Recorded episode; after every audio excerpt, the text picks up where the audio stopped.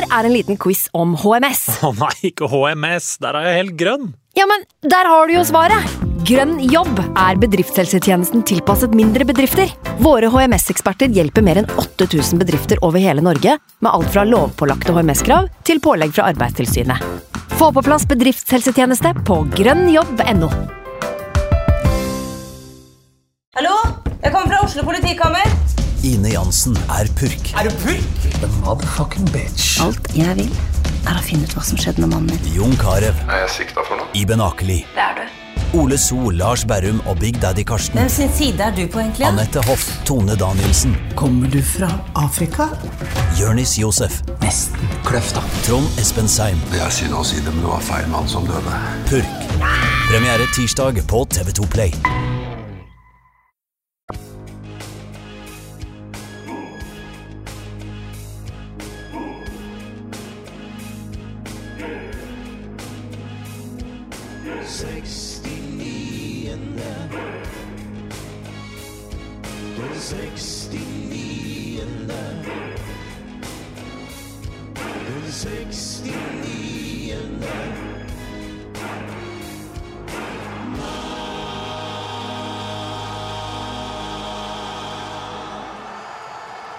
Vi skriver runde ni i årets eliteserie, og det har blitt eh, både oppturer og nedturer for mange lag. Det har blitt oppturer og nedturer både på personlig plan i gruppa her i den 69. mann. Jeg har rett og slett fått den gode, gamle masterpanikken, så Jonas kommer til å steppe inn som en aldri så liten supersub. Sist gang var Jonas Grønner, nå er det Jonas Aune Sunde som stepper inn for å hjelpe meg.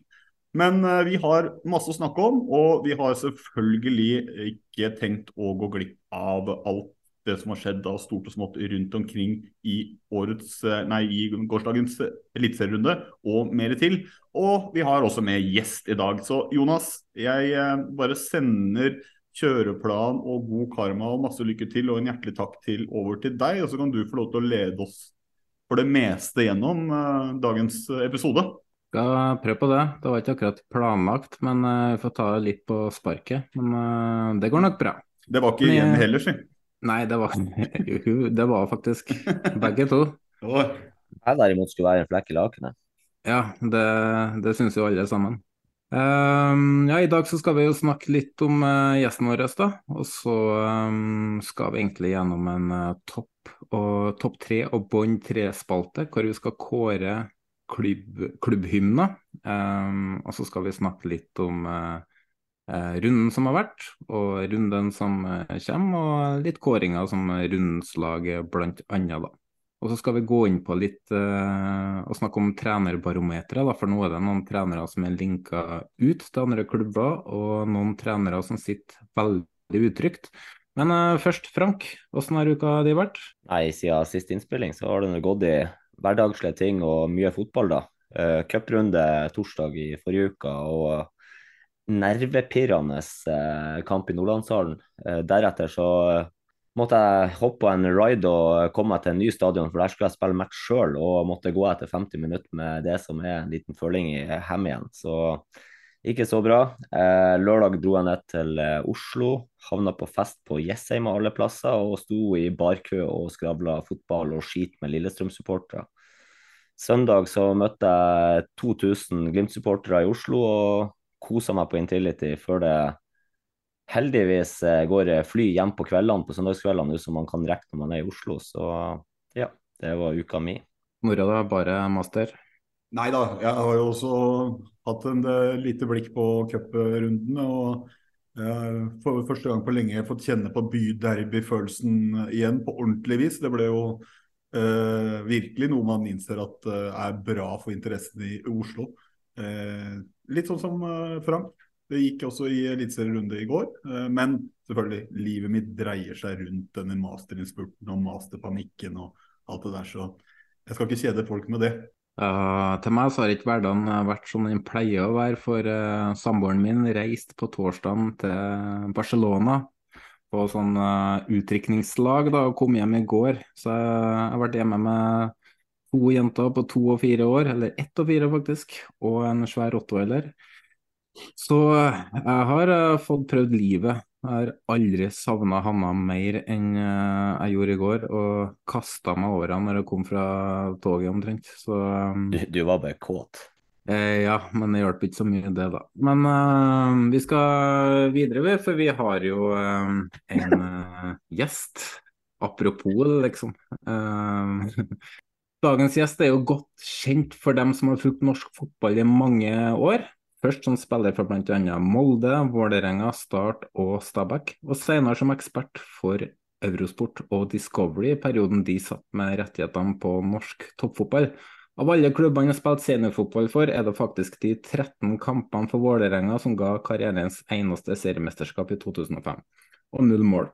Vi prøvde å finne felles klaff i kalenderen flere ganger. Sist ble det utsatt på overtid og overtida, men endelig funka det for alle parter, og han er klar for å komme i øret ditt om norsk fotball og runde ni av Eliteserien. Velkommen som gjest i den 69. mann, Bernt Tulsker. Thank you very much. Tusen hjertelig takk. Ja, endelig så, så var jeg her. Men vi, ja, vi har prøvd det. Vi prøvde vel noen runder der, men uh, sist så fikk jeg vel, apropos familie, så var det noen familiegreier der, ja. Men uh, nå, i dag, for en runde vi fikk. Vi fikk uh, skvisa inn for skvisa inn ja, drøy time her òg, litt mer enn det kanskje? Ja, ja, det må jeg fatte. Ja, det, det blir bra, da. Um, vi kan ta litt om deg før vi går videre på dagsaktuelle ting. da. Um, det som er litt snodig med deg, er jo at uh, du kanskje ikke vil huskes som en fotballspiller for uh, den nye generasjonen, men som en TV-personlighet. Mm. Uh, men for dem som er litt yngre enn oss, da, hvordan vil du beskrive fotballkarrieren din? Oh, den fotballkarrieren kunne nok ha vært uh, skal, jeg, jeg, begynner å bli så gammel at jeg, begynner, jeg skal ikke være ikke bitter. Det, det, det, det, er ikke det heller. Men klart, uh, jeg kunne vel gjort mer ut av den. Det kunne jeg nok. Jeg ble vel litt uh, mett, stappmett litt for tidlig. Og hadde vel min peak tilbake til ja, kanskje 2000, 2002. Kanskje 2002, så var det vel OK. Og derifra så ja, ble det vel så der. Det som du riktig nevner, jeg ble jo seriemester i Vålerenga i 2005. Men eh, så gikk jeg til Sverige, og så hadde det fint på Sørlandet. Og så var vel 33 år når jeg ga opp i 2010. Ga opp er vel det beste ordet. Du la ikke opp, jeg ga opp egentlig. Jeg må, må få skyte inn, for jeg har fått veldig mange Twitter-spørsmål til denne episoden. Det er ikke noe tvil om at det å få deg som gjest det har boosta interessen ekstra. Det er en Sondre Helleve som spør hvis du hadde vært 23 år i dag, hvordan ja. eliteserieklubb har du sett for deg at du hadde passa best inn i? Og jeg hadde passet, Det her høres jo voldsomt ut, men jeg er jo, jeg er jo gammel 4-3-3-spiller. Det var det jeg spilte i treff. Det var det jeg spilte i Molde når jeg kom dit i 99. Så jeg vet ikke hvem som spiller den beste 4-3-3-fotballen. jeg vet da søren, altså. Men og, og, og, vet du hva, der hadde jeg passa godt inn, altså. Hadde du passa inn i trenerregimet til KK? Eh, ja. Det, ja, ja når, jeg var, når jeg var 23, så hadde nok det gått veldig bra. Det tror jeg faktisk, for da hadde jeg fremdeles litt å, å gi. Jeg var fremdeles uh, sulten og, og, alt det der som man må være. Så ja, vet du hva, det så freidig skal jeg nok være, altså. At jeg hadde passa Molde hadde vel sikkert passa meg godt. Nå tar jeg bare flagget her, da. Men, eh, men, men, eh, jeg hadde nok ikke forsvart en uh, plass Iallfall ikke i Nei, men altså, sånn rent sånn fotballmessig så er det nok Så måtte vi ha nok nordover, ja. Du sa jo at du pika kanskje i 02, 03, 04 eller noe sånt. Nei, ikke 03 og 04, da var jeg svak. Ja, ok. Men uh, når jeg husker tilbake på din uh, karriere, da, så vil jeg jo si at den tida du hadde i Start, kanskje var din uh, beste med Jeg husker ikke alle som var her. Var... Nei, men da er du såpass ung du var at vi husker kanskje ikke Ja da, var, 2007 var ikke verst. 2000, eller 2007 så spilte vel halve sesongen og mindre enn det òg. Eh, men vi rykka jo ned, da. Men uh, jeg var vel ikke så jeg var vel OK da. Og 2009 så var jeg bra fram til sommeren. Og ellers så var det vel ikke verdens tid der heller. Men det var det var ikke det 2009, da? Jo, 2009 var ikke så verst. Da, da var Ja, for det var vårsesongen, husker jeg på start. eh, Spilte veldig bra offensiv fotball med Ja. da. Bolanios var jo der da. Og, Ja da, Kristian, vi, vi, var en, vi var en fin og, og god gjeng der. eh, absolutt. Så eh, i 2009 der så var det ikke så aller, aller verst, altså. Det var ikke det. Men er det dårlig hukommelse av meg? Altså, jeg var, jeg var jo 10-11 år når du var i Molde, men eh, sånn som jeg husker deg, så var det jo eh, eh, så var det en litt eh, hissig bakromspiss med litt manglende målteft, og så Ja. avslutta du karrieren som en mer kraftplugg i 16-meteren med mer målteft. Ja, det kan du si. Jeg ble jo henta egentlig som ving. Jeg er jo ikke noe ren spiss, egentlig. Jeg var jo wingspiller eh, på, på, på venstre eller høyrekanten i, i en treer på topp. Det var der jeg likte meg best, egentlig. Eh, å springe inn bak, og det var å, å legge inn eh, egentlig til, eh, til andre. Uh, klart Jeg sleit jo litt mer når jeg skulle springe. Det gikk jo når jeg spilte litt nedover i divisjonssystemene, for da slapp det jo. og da hadde jo da hadde du jo tida til å, å rusle hjem, men det kunne du ikke når du kom opp i Eliteserien. Da måtte du jo springe litt begge veier. Og da ble jeg plassert eh, som spiss, da, litt pga. Eh, farta mi. Og det var Når jeg kom alene med keeper, så var det stort sett bra når jeg klarte å springe meg gjennom, men, men eh, i stort var det ikke nok. Jeg var rimelig tofota egentlig, så er jeg jo biologisk så er jeg jo høyrefota, men jeg trente så mye i ung alder på venstrefoten, så jeg ble venstrefota. Og Det førte til at jeg kunne føre ballen i høy fart, da, for jeg var såpass uh, tofota. Men, men det gjorde jo at jeg, jeg heller ikke fikk den der skikkelige godfoten. da. Det var to mediokre bein istedenfor én kanonfot, kan du si. Så ja.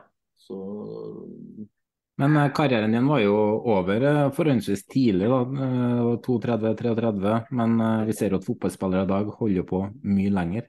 Har du fått reflektert over det etter karrierestopp? Hva, hva var årsaken til at det For du hadde et utlån i Stabæk som ikke gikk all verden der, og så var det brått slutt? det var brått slutt. Nei, det var vel eh, Ja, i Stabæk der. Det var Ingen André Olsen som jeg hadde spilt med litt tidligere. Han var sportssjef eh, den gangen, så jeg henta meg til Stabæk. Eh, han, Stabæk ville vel ha meg før uh, gullsesongen i 2008, var det det? Ja, 2008 òg. Men uh, da ble det ikke noe av. Jeg signerte på start istedenfor. Og så eh, Nei, men jeg var, jeg var ferdig. Og så fikk jeg tidlig nyss i at jeg kanskje kunne få en sjanse om å jobbe med TV. Og da frista det egentlig litt mer altså, enn eh, enn å springe etter den kula. Jeg var litt ferdig med det. Ja, så motivasjon som ikke strakk deg Ja, det var, det var, det var nok litt det. var nok litt det.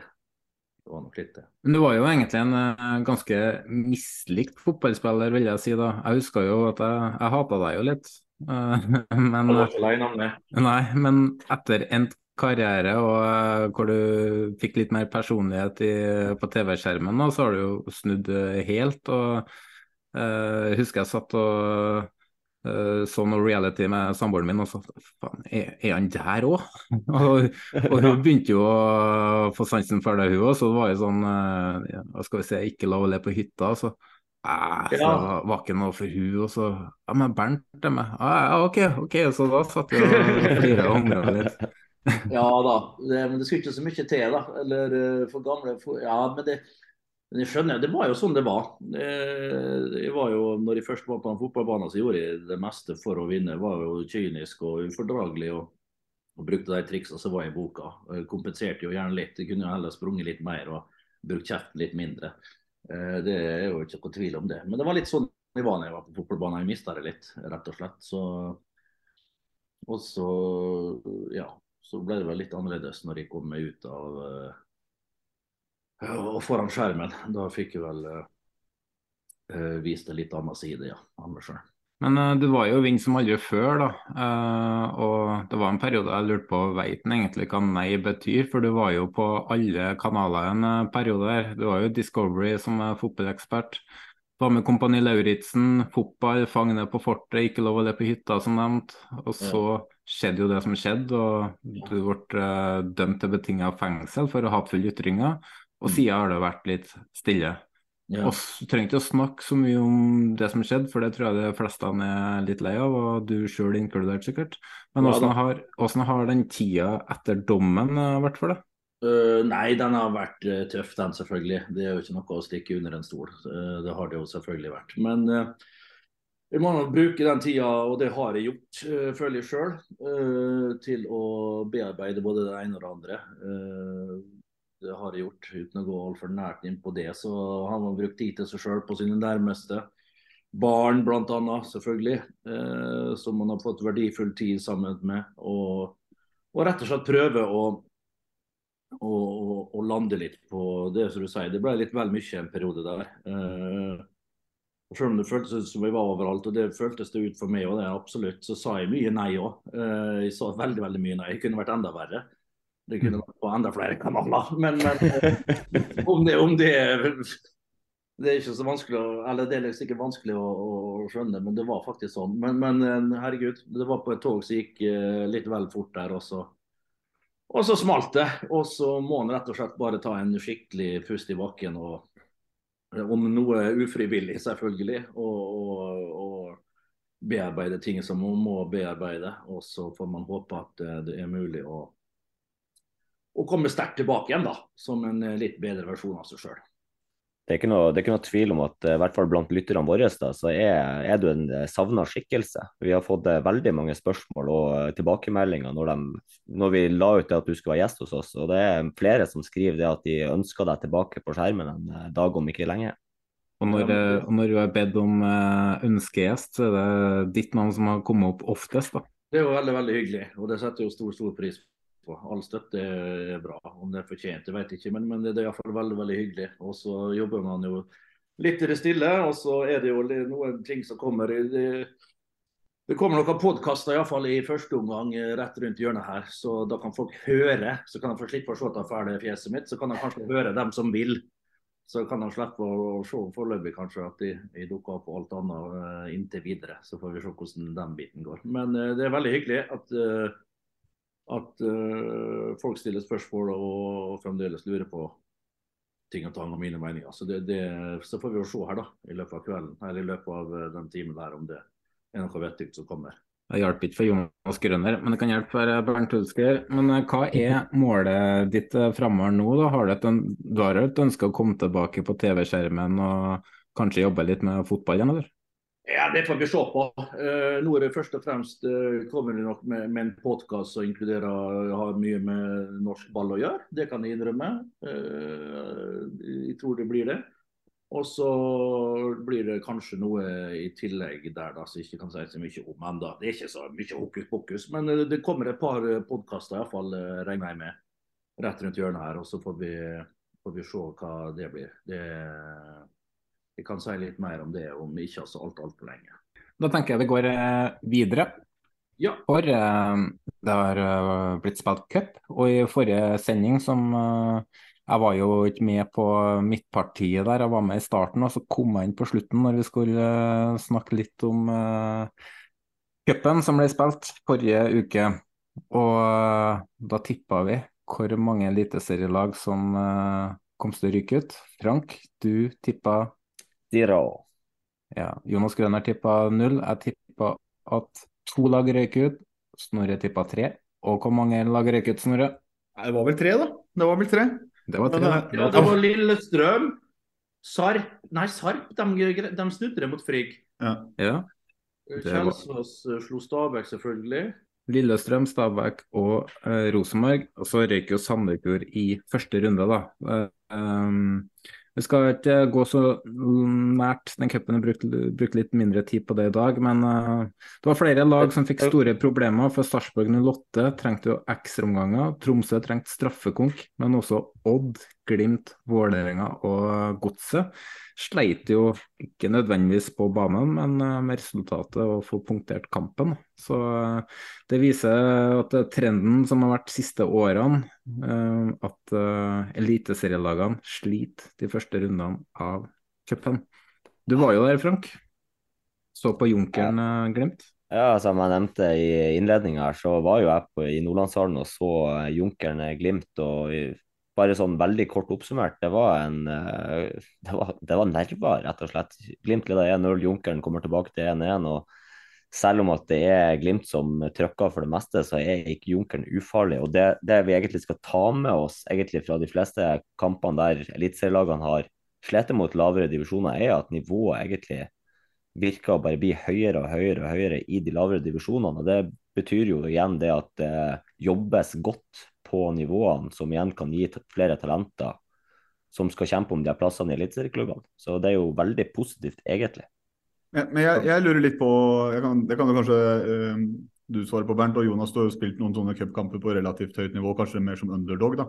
Men uh, hvor, hvor, grusomme eller hvor deilige er de kampene alt ettersom hvilken uh, angrepsvinkel man har på dem? Man er underdogen eller man er favorittlaget. Å spille de andre runde, tredje runde-kampene mot andre divisjonslag, tredjedivisjonslag?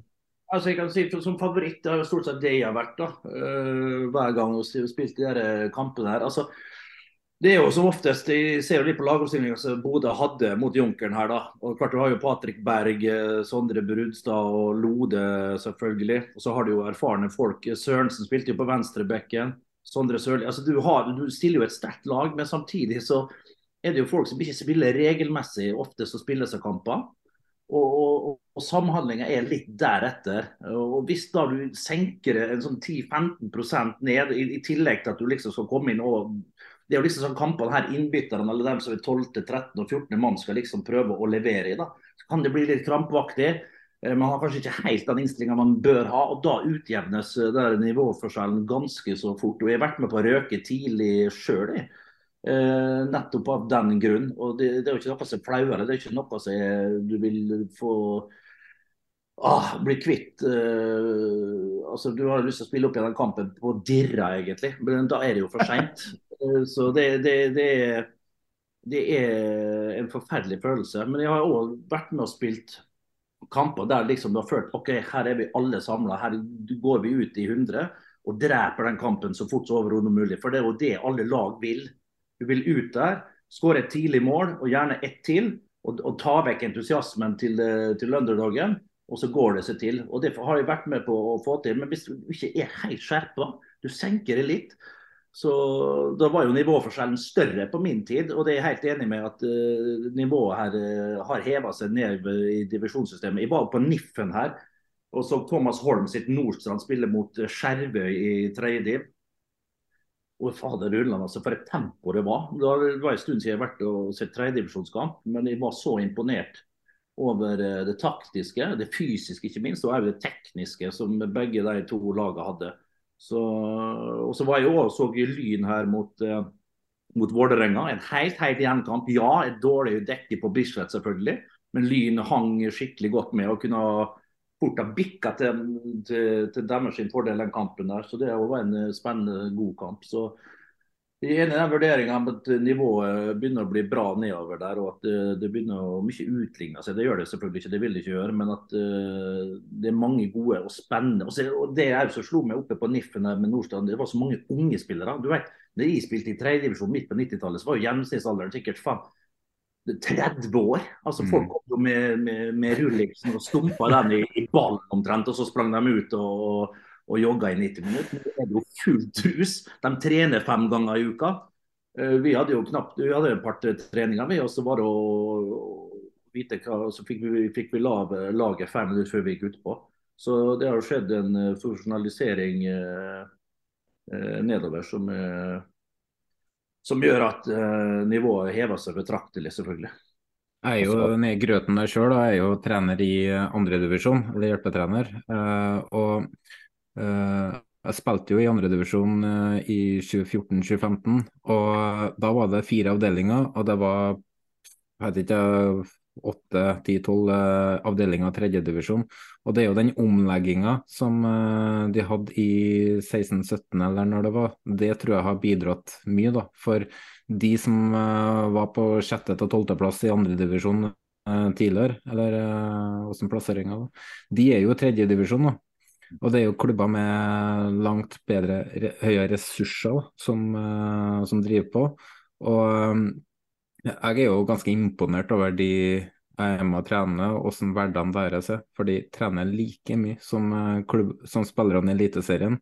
De er like dedikert, men det kommer, mange av de da, det kommer etter en arbeidshverdag eller studenter. altså De har hatt åtte timer før de drar på den treninga, og så skal de prestere på treninga. De skal utvikle seg, de skal være forberedt, de skal gjøre restitusjon. Så det er en utrolig tøff hverdag mange andre- og tredjedivisjonsspillere har. Ja, og da sier det vel seg sjøl at da er det vel eh, litt de yngre som har tid og ork og lyst og kraft til å kunne gjennomføre sånne ting. Og uh, i forhold til det jeg sa at før, så var det jo uh, Og så var det jo selvfølgelig Ja, det var også når jeg spilte på, på tredjedivisjon, så var det jo som regel den venne, uh, vennegjengen som, som, kom fra bygda. Men nå er det jo uh, mye mer spredning. Folk kommer hit og dit og blir plukka opp her og der. Og så var det lokalt når du spilte, for da dro ikke dere så langt på bortekamper. Nå drar dere jo halsen omtrent over til Bergen for å spille kamp. og det er jo... Jeg tror faktisk på 90, var det 19 sånne tredjedivisjon. Jeg, tror, jeg husker bak på Dagbladet så kunne du alltid lese på mandagen da hadde du en sånn samleside på, på tredjedivisjon. Og da tror jeg det var hvor mange avdelinger det var. Så det var helt sjukt. Det var mange, ja. Det var veldig mange. Ja, jeg skal bare slenge inn i det derre å, å, være helt klar og ta det på alvor. Sånn sett så er jeg for så vidt glad for at Vålerenga trakk Lyn. Eh, fordi det er ikke noe alternativ å ikke ta det oppgjøret på alvor eh, på vegne av supporterne. I hvert fall, fordi de mana opp. Så, sånn sett, så det tror jeg kanskje var med på og, og, gjøre at selv om man sliter, at man faktisk bikka det riktig vei. At, fordi det, det var snakk om Man tok det på alvor, og supporterne tok det på alvor og, fra begge leire og fikk en fin ramme. og Da betyr det jo litt ekstra. Man ser det også på gledesstedene. Men det er det ikke sikkert du får i andre oppgjør, f.eks. Kjelsås-Stabæk. Da at uh, da kan du få de der at det senker seg pros de prosentene ned, kanskje. Jeg vet ikke. Men sånn sett glad for at det bare er lyn i andre runde og de kara seg videre. Det var jævla gøy. fordi jeg spiller bort på kampen her, jeg bor jo nede på Kielland, nøyaktig 500 meter i den retninga her, for dere som ser meg her. da. Så ligger jo Bislett, og så tenkte jeg ok, nå var det blandaball eller potetball på Sofies, et sånt eh, mathus som ligger rett ved siden av Bislett. Og så satt jeg og åt, jeg var jo her, jeg satt alene og satt og hørte noen podkaster og satt og åt uh, potetball. Så plutselig hører jeg noe dunking, så tenker jeg det er noe feil med, med, med øreklokkene mine. Så ser de ut vinduet, og så kommer den kortesjen med Vålerenga-fans. Det kommer jo 3000 gubb opp den der gata som, eh, der de sitter og, og, spiser potetball. Og først så kommer uh, purken, eller nei, politiet, unnskyld. Og, og uh, eller snuten, som jeg kaller det. Nei da. Politiet kommer gående opp der, og så er det et helsikes leven. Og de, var, det var pyro, det var både det ene og det andre. Det var litt sånn internasjonal stemning rett og slett på på, i Homansbyen og på Bislett da, altså. Så det var utrolig artig å se. Jeg måtte ut fram med kamera og dokumentere, og det var, var skikkelig gøy. Og det var jo Vålerenga med Lynfansen òg. Uh, eh, mobiliserte bra, så det var et skikkelig trøkk. altså. Jeg vet ikke hvor mange tusen som var der, seks-sju? Kanskje noe sånt. Det var noe sånt, tror jeg. Det var, ja. det var bra trøkk fra begge leirer. sånn sett. Ja, det var det. Så det var, det var, det var helt klasse. det. Men dere så, apropos cupen, dere så han Eik Tønsberg-treneren, eller? Ja, det var klasseintervju med Kristoffersen. Hvor klasse var ikke han, da? Som bare Nei. mente på at det var to-tre lag det, som var, som var OK oppi der. Nei, oppi Eliteserien. Resten det som er litt, bare drit, bare pl. Det som er litt artig, det som er litt artig med han, er jo at han, eh, han reiser rundt og holder foredrag om eh, mental helse eller noe sånt. Og han var jo eh, oppe i Trondheim og holdt foredrag for Rosenborg-spillerne før seriepremieren mot Viking. Og så I det intervjuet der så ser det ut som at han får en sånn mental breakdown, men, men det jo, han vet jo nøyaktig hva han gjør. da. Så jeg syns det er artig. Ja, ja, ja det, det, er vel en beskytta tittel, kanskje. Men, men uh, uansett, altså, det var fascinerende. Men det, var, det, er sånn du vil ha da. Mm. Det er det som er NM, det er det som er cup, det er det som, er, som gjør det. Ja, det var så fint. Det var en liten periode det var litt uh, nede med cupen, men jeg følte at uh, så første rundene her nå i, har vært aldeles strålende. Altså. Ja. Vi må gå videre. Vi, vi, vi, kan ikke gå videre for cupen uten å ta det her Braveheart uh, greia til han Stjørdals-Blink-kapteinen eh, som virkelig mana opp til at 25 kamerater Trenger ikke å snakke om den kampen. Knus jo, det gjør vi gjerne. Det gjør vi gjerne. De fikk ikke med. De fikk ikke, jeg så det var noe, men det, det var noe reklame så jeg gadd aldri å gå inn på og se. Nei, men det, var, altså det, det, det, er bare hvor mye lidenskap man får fra de her eh, lagene i lavere divisjoner, når du ser han maner opp til at det her er hans beste venner i hele verden, og sammen skal de slå Rosenborg. Det, det må nevnes i det minste, selv om Jonas ikke vil snakke om kampen. Rasmus uh, Sandberg, keeperen til Blink der. Vet du hva som er litt spesielt med han, Frank? Eh, nei. Han ble akkurat tatt ut til U21-EM for landslaget. Ja, stemmer. Det fikk jeg med meg. Det det er kult. Da kan vi gå videre. Og i stad vet du, det ble litt stress med planlegging eh, her, og, og så tenkte jeg faen, jeg må, må, ha noe koffein. Så jeg gikk inn i kjøleskapet og så dro jeg tre, to Red Bull fra kjøleskapet. Og Hanna kommer bort. Men faen, du kan ikke ta to stykker. Det, tenk på hjertet ditt. Slapp av, frøken. Jeg er forsikra, vet du. For vi har jo water, forsikra Water Circles. Så, men det kan du òg fikse hvis du ringer 93472062 og sier kodeordet 69. Så kan du få billig forsikring. Fornøyd, Sondre? Ja, den var sterk. Den var sterk. Du har sånne reklamer så hvor du bare rett og slett uh, forkler eller bare bekler inni eller bare tar Pakker det inn i underholdninga. Det er det vi gjør. Inn i. Det er, det der er veien å gå. Mm. Selvfølgelig er det. det. kommer med noe Du, da slenger jeg meg på. Hei sann. Bare, da bare ring 93472062, så brøler du 69, og så får du billig forsikring, eh, Bernt. Det lover jeg. Det gjorde jeg, i hvert fall. Ja. Så, den er ikke dum. Så hvis de to Red Bullene her tar knekken på hjertet, så er frøkna gjeldsfri. Så det er vinn-vinn. Kryss fingrene for alt der. Ja, absolutt. Jeg tenker jo at uh, etter neste spalte så bør vi ha en god livsforsikring alle sammen. Ja, absolutt. Mm. Og ettersom vi var med å prate inni her nå, så skal jeg ha en cut av den dealen dere har med forsikringsselskapet her. Så da... vi får se på det. Du kan bli med fast framover, så får du cutten. Blir steinrik, faktisk. Ja. Vi skal videre, med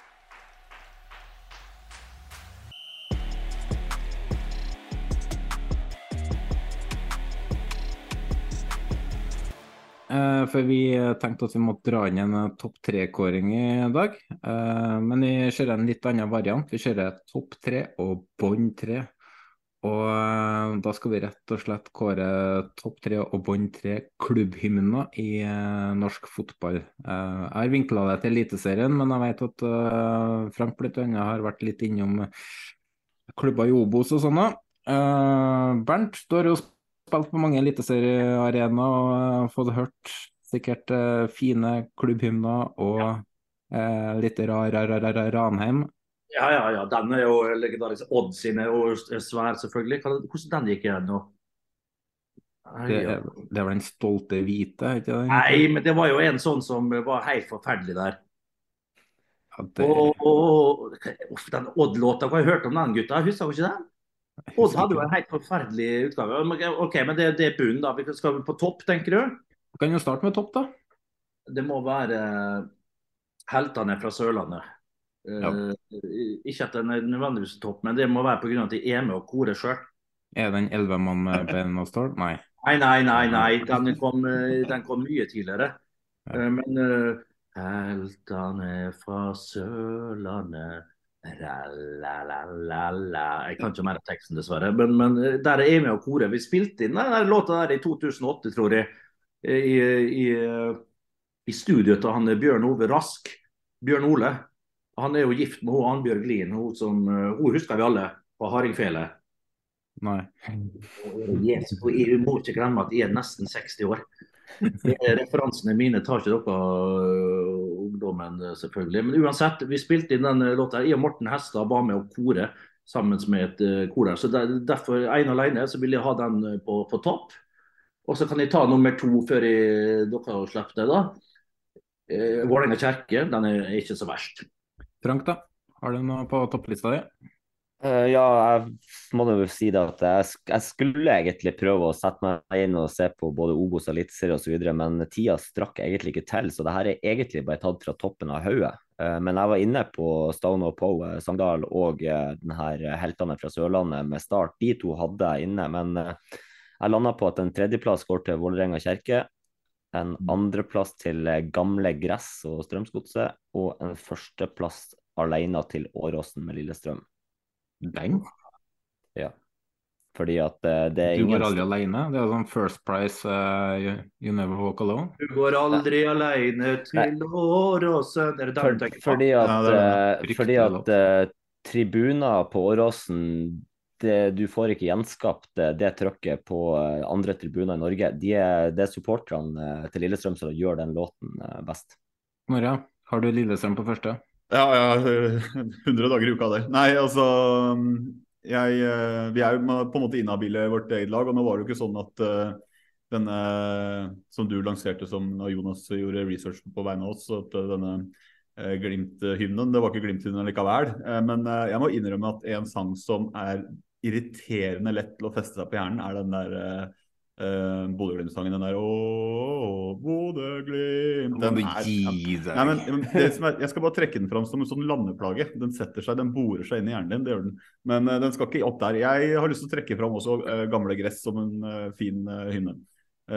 Og hvis jeg skal være humoristisk, så er det vanskelig å komme utenom Staun og Pau, for den er ironisk på et helt herlig nivå for alle andre enn uh, sogndølinger, tror jeg. Um, men jeg har heller egentlig lyst til å snakke om bunnen, jeg. fordi jeg syns det er vanskelig å kåre de fine. fordi det er så mye følelser for hvert enkelt klubb som gjør at den betyr noe. Men det er lettere for meg å mene noe om de jeg ikke liker. i det hele Vi tar de etterpå, da, så gjør unna det Mm. fine først. Men jeg mener gamle gress det er en klink nummer én. Altså, apropos sette seg på hjernen. Jeg har vært på Marienlyst, og når den går, så begynner jeg av en, en eller annen merkelig grunn å nesten synge med. Også. Det er en eh, veldig fin låt. Eh, så har ikke jeg tittelen her, men den Sarpsborg 08 sin låt, den hørte jeg for første gangen i dag, og den måtte jeg høre to ganger, for den var ordentlig bra. Eh, og så har jeg vi snakker om å være inhabil. Jeg, eh, jeg rangerte jo Jeg tok jo bare Eliteserien, så jeg gikk ikke gjennom uh, Obos. Så jeg rangerte alle fra 1 til 16. Da.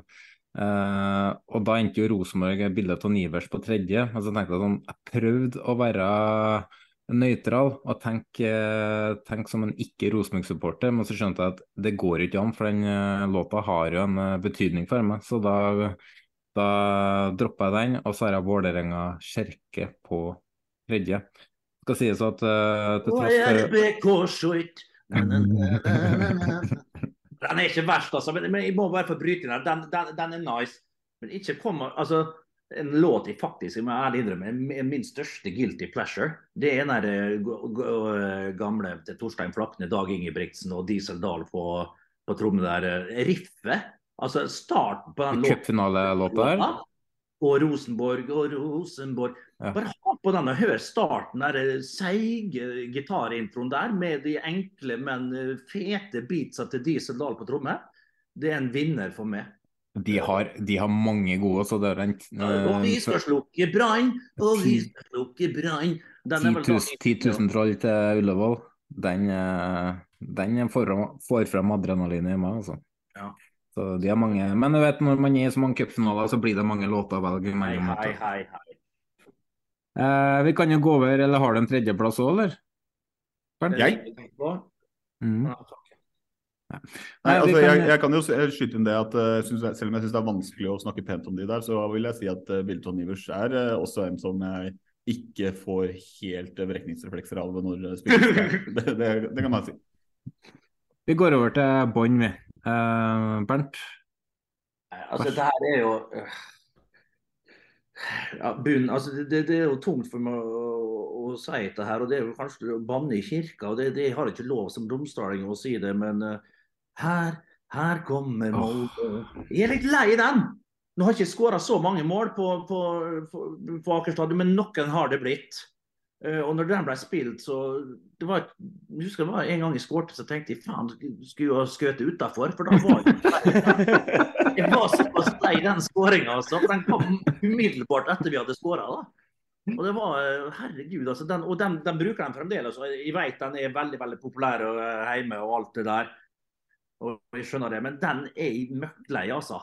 Det var flere moldensere som uh, skrev på Twitter at uh, det er den beste låta. og Det er jo som jeg sa med ja, nå får jeg vel innboksen full, men jeg, men jeg står for det, altså. Uh, Det er rent musikalsk og rent melodisk at jeg sliter litt med den låta nå etter å ha hørt den sikkert en million ganger. Man vil jo alltid sette sin egen klubbhymne øverst, fordi det har en litt emosjonell betydning. Men Jeg har ikke Molde så langt ned, og så har det ganske midt på, og det sier jo veldig mye om de andre klubbhymnene. Uh, Frank, bånd for deg?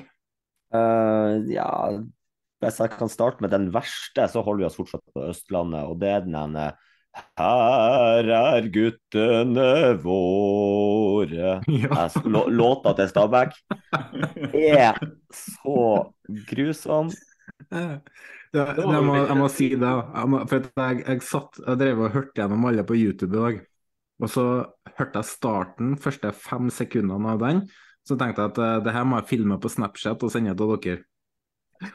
Og så kom jo resten av den, og jeg knakk jo sammen. Og jeg, jeg lo så tårene rant nedover kinnene på meg. Det er det verste jeg har hørt. Altså At eh, Stabæk tar mange poeng på hjemmebane, er jo pga. at de er vant til den låta. Det skremmer jo dritten ut av de som skal være der og spille. Altså Jeg skjønner hvorfor ikke du skårer mål. Nå Hjelp meg litt, nå, unnskyld at de bryter av. Hva er melodien der eh, nå igjen? Og den, er en, er en uh, coverlåt, skal jeg si. Det er, en, uh, det er jo en uh, engelsk hva er det? Ja. Det er med orkester og Jeg husker ikke navnet på den låta, men det var Altså, den, den, er jo egentlig så dårlig at den burde ha vært høyt på lista òg, for Nei, det Det kommer an på hvordan du definerer bra og dårlig her. Det, hvor den havner. Men jeg er veldig enig med Frank på den der. fordi Hva var det jeg sa til deg, Jonas, når du sendte den der? Eh, det der for meg gir sånn umiddelbare følelser av nystemten fra Wish. Ja. Uh, hvor de prøver på den pompøse, uh, storslåtte greia, og så er det, det blir bare mageplask hele greia. Men uh, apropos nystemten, jeg er ikke fan.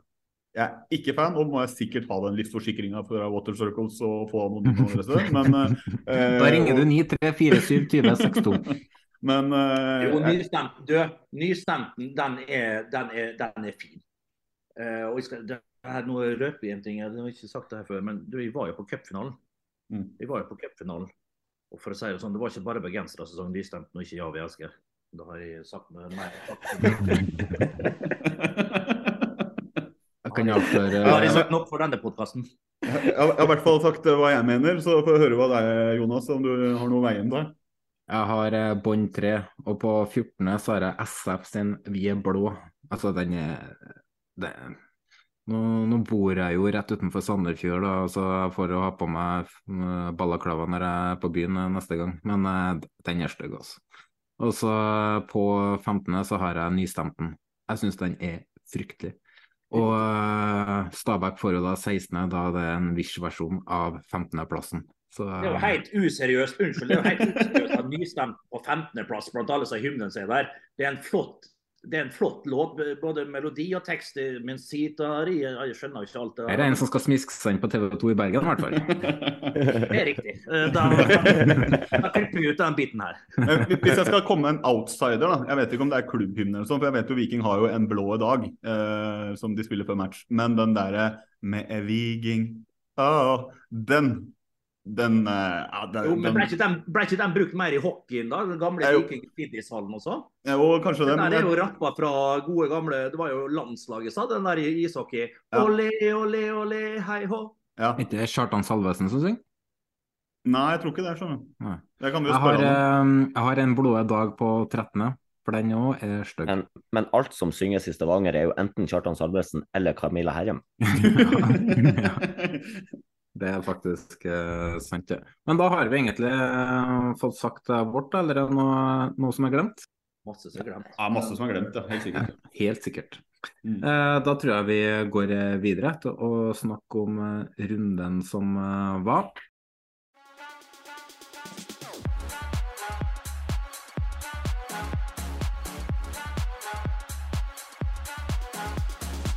vi starter med trenere som kjøpte seg litt tid. Og da starter vi med Rosenborg sin 4-0-seier over uh, HamKam. Uh, den kampen uh, så jo jeg naturligvis, og um, Rosenborg gikk opp til 1-0 etter 18 minutter med Olav Skarsheim, som endelig begynner å komme seg i form etter å ha vært skada i over et halvår. HamKam har tre store sjanser i første omgangen som de bør skåre på. Det er heading stolpen av Kurtovic, og André Hansen gjør to meget kvalifiserte redninger som holder Rosenborg inn i kampen. Og i andre omgangen så er det egentlig enveiskjøring. Aga øker til 2-0. Og uh, Nelson, som var Rosenborgs beste spiller etter min mening, satte inn 3-0 før Skarsheim skåret sitt andre i det 70. Uh, nevnte Skarsheim uh, har som sagt vært uh, veldig markant etter han kom tilbake. litt statistikk fra den kampen her, så er det 61-39 ballbesittelse. I XG så er det 1,81 mot hele 1,31 for HamKam. Så det er 12-16 i totalskudd og 3-3 i store sjanser. Eh, Bernt, du har jo fulgt med litt i år. Hva har du å si om Rosenborg så langt i sesongen? Nei, Det har vært skuffende, selvfølgelig. Eh, de har de kan skylde på det, både det ene og det andre. De har solgt eh, masse mål og assistpoeng. Det har de selvfølgelig, det vet vi alt om. Men eh, de har hatt anledning til å kjøpe inn spillere, har fått kjøpt inn noen spillere. Selvfølgelig ikke på den hylla som de har vært vant til tidligere. Det har blitt marma der oppe at vi har ikke penger, vi har ikke ditt, vi har ikke datt. Og, det, og det, det, er jo for så vidt et faktum.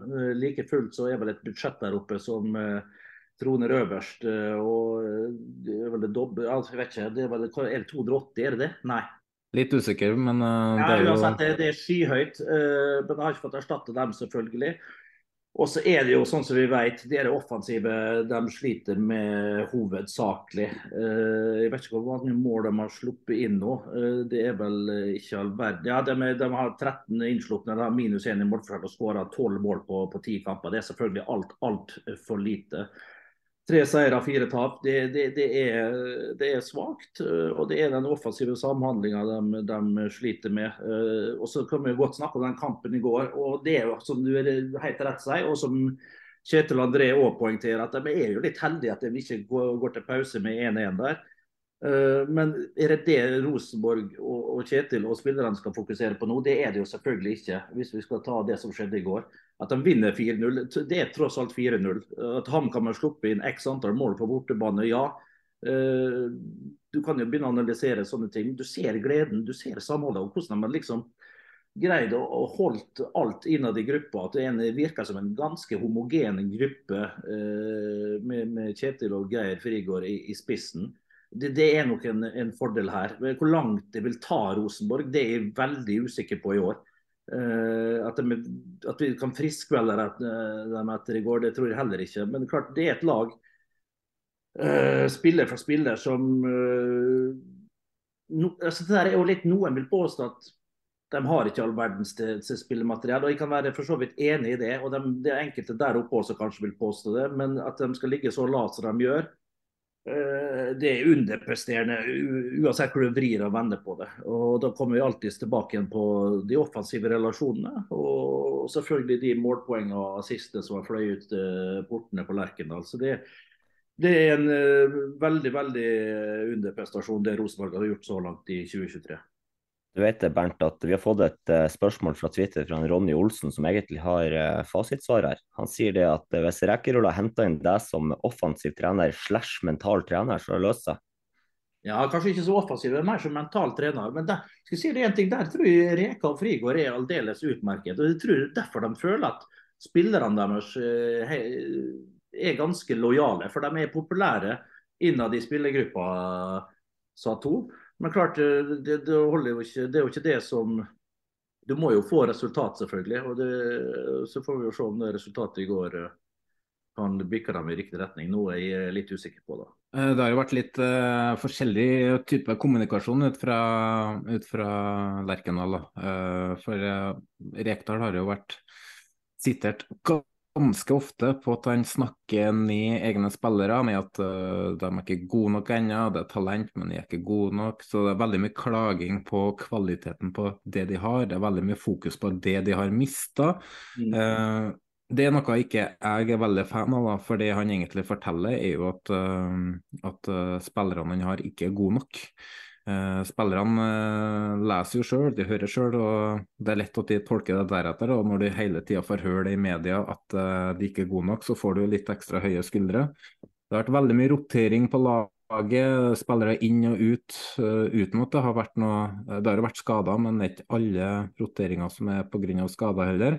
Men så er en ting jeg har lyst til å ta fram fra den kampen her, da.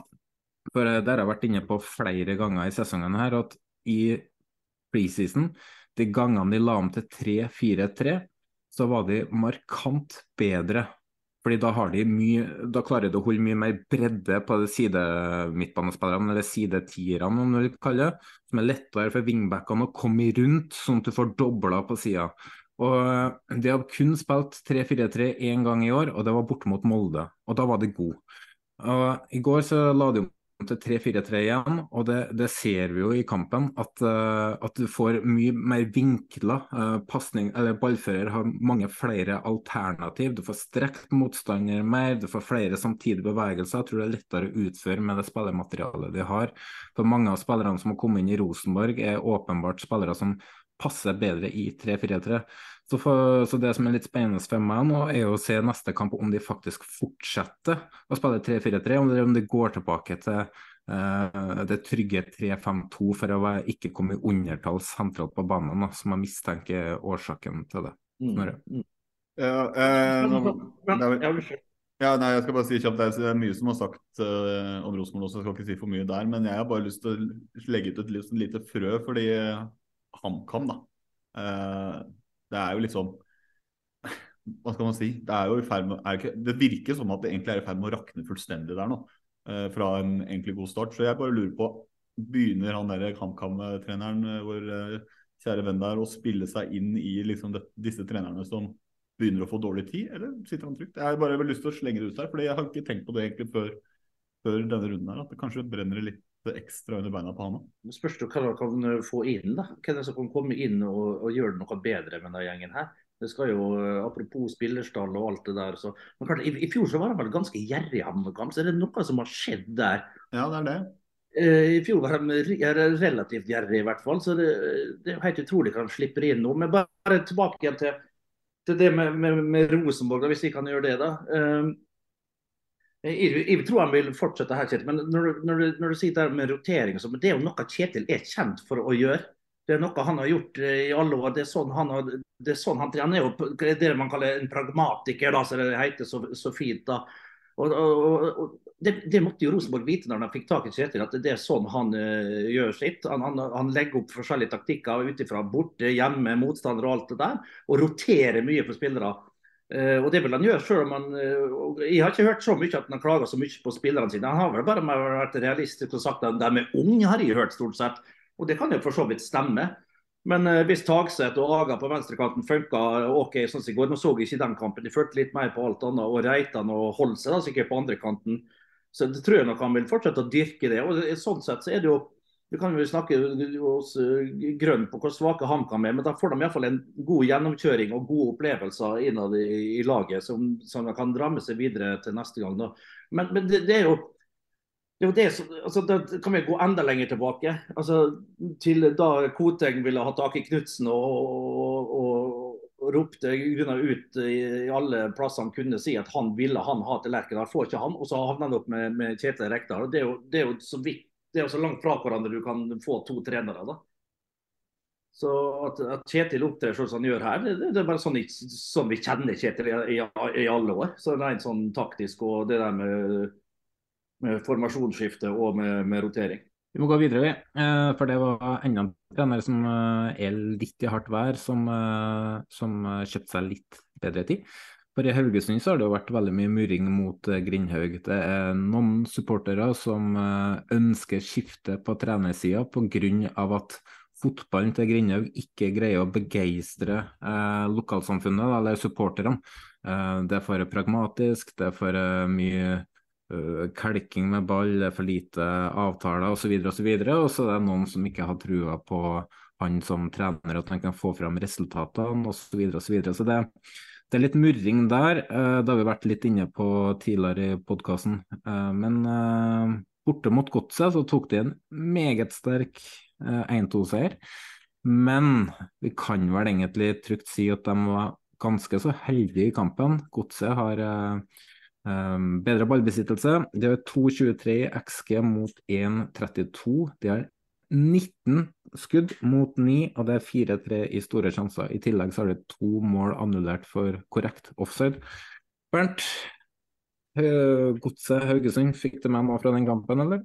Ja, jeg fikk med meg det. Og jeg er jo glad i uh, Bilal Njay og Sorry Diarra. Det er ene skåringa til, til Sorry i går. Det var helt Det ble han seg oppe og, og med ekstrem spenst og skåra den ene gålen der. Men klart Uh, hvis du skal se på, på Grindhaug i, i, Haugesund, så er jo det en, en, en, trener som har vært der i en årrekke. Uh, det er ikke der de har lagt ressurser. De har jo ikke all verdens mer ressurser. Men det er jo et, uh, et, styr med spillere som går inn og ut. og, og det er der liksom de har... Men jeg, hvis jeg skal, vet ikke hvor mye jeg kan si, da. Men jeg, jeg hva jeg skal si, da. uten å si for mye. men at Grindhaug er jo den han er med sine, sine, sine, styrker. Det er jo selvfølgelig eh, en, Han er godt likt, tror jeg, eh, innad i gjengen som type. Men hvor mye han har å tilfelle rent taktisk og sånne ting, det, det er jeg ikke så helt sikker på. Uh, ja, jeg tror jeg lar det ligge der akkurat nå. Men Godset, da, Isnes, har ikke akkurat fått en drømmestart resultatmessig. Eh, i godset, men jeg syns jo at de eh, i enkelte av matchene jeg har sett, så henger de jo bra med spillemessig og spiller fin fotball, men de sliter kanskje litt i begge 16-meterne, eller? Ja, det kan være. Eh, det er det absolutt. Gustav Walsvik er jo en, en god type. Han har skåra noen mål. Hadde vel sjanse til å putte i går, hadde han ikke det? Hvis han ikke gjorde det, det tror jeg ikke Nei, det gjorde han ikke. Jeg fikk vel annullert den her. Ja, det, det, var det, det, var det, ja. Men det er Godset er jo sånn godset, er Isnes den som skal dra det her eh, lenger opp? Uh, skal, skal ta godset til det neste steget? Jeg, jeg vet ikke. Uh, har jo òg mista noen gode spillere, selvfølgelig. Men uh, også har de jo fått inn en Braut Brune som, som så smått har kommet litt i gang. Fikk vel en annullert en han òg i går. Skåret vel noen i cupen her forleden. Uh, men sånn spiller for spiller her, så ligger det vel der de skal ligge, spør du meg. Og, og Isnes han uh, passer jo egentlig inn i den spillefilosofien som Godset uh, og Jostein Flo uh, søker. Men ja, nei. Verken fugl eller fisk får meg med Godset. De ligger der de skal ligge, spør du meg. altså. Vi har, vi har jo snakka om det noen ganger tidligere, litt sånn med tanke på marginer for og mot for diverse lag og sånn. og det var jo en sånn periode der hvor de, var, de har ikke vært liksom utspilt omtrent i noen av matchene eh, gjennom sesongen, men det, den evnen da, til å stable på plass et lag som vipper de kampene i favør, det virker som at skoen fortsatt trykker der, fordi man er kanskje klart best da, og uh, kunne hatt både ett poeng og fått alle tre. Uh, sånn som man forstår det, Men så sitter man igjen med ingenting, og da, da, er man jo egentlig like langt hvis det fortsetter. da. Og Hvor lenge kan det fortsette? Eh, fordi det er klart, det er, det er poeng som til slutt telles opp. da. Det er jo en ekstrem marginmatch når du nevner ordet margin. Det er jo et en pasning som går via ryggen til dommer, og så er det fort, får de beholde ballen da spillet går videre.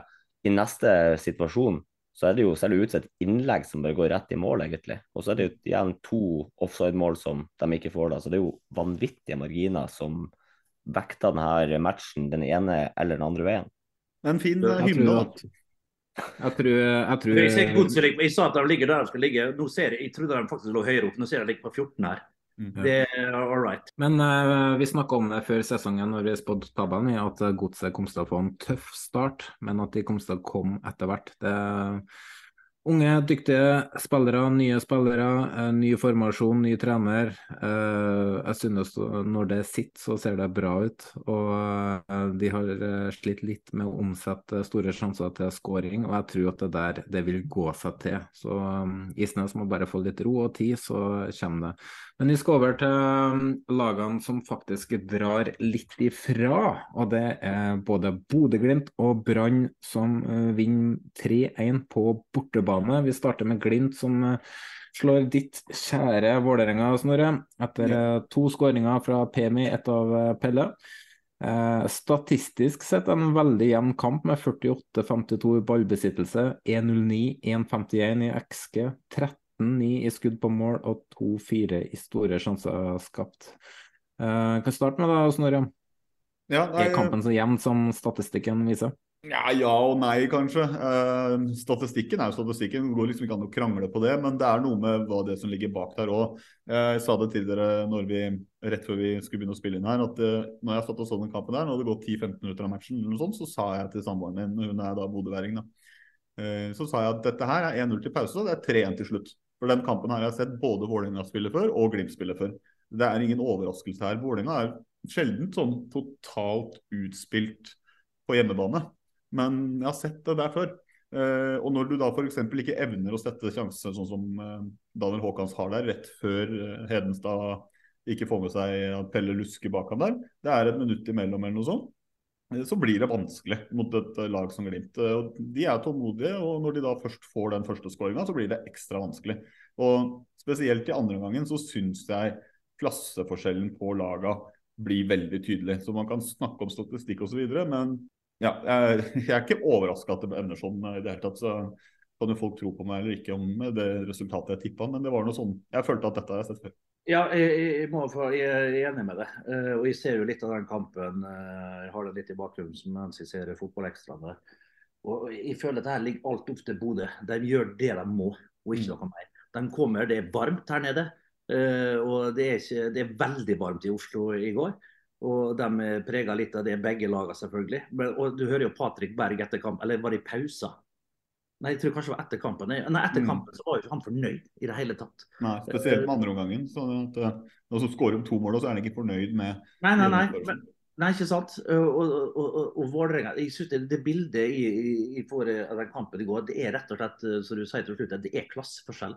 Det er en mm. klubb som eh, Bodø-Glimt som, er, som svever helt der oppe og er grunnet i sin egen liga nå.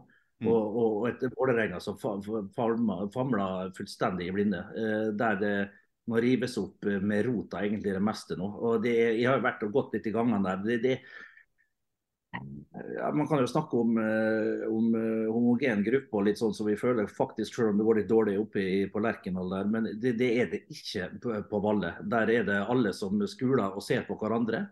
Er spillerne eller i, innad i klubben? Nei, nei, ikke blant spillerne så tror jeg det er greit, men ellers i korridorene der så vet vi at det, det, er, det, det, dras i forskjellige retninger, rett og slett. Det er folk som unngår hverandre på jobb, og det, er på det nivået, liksom.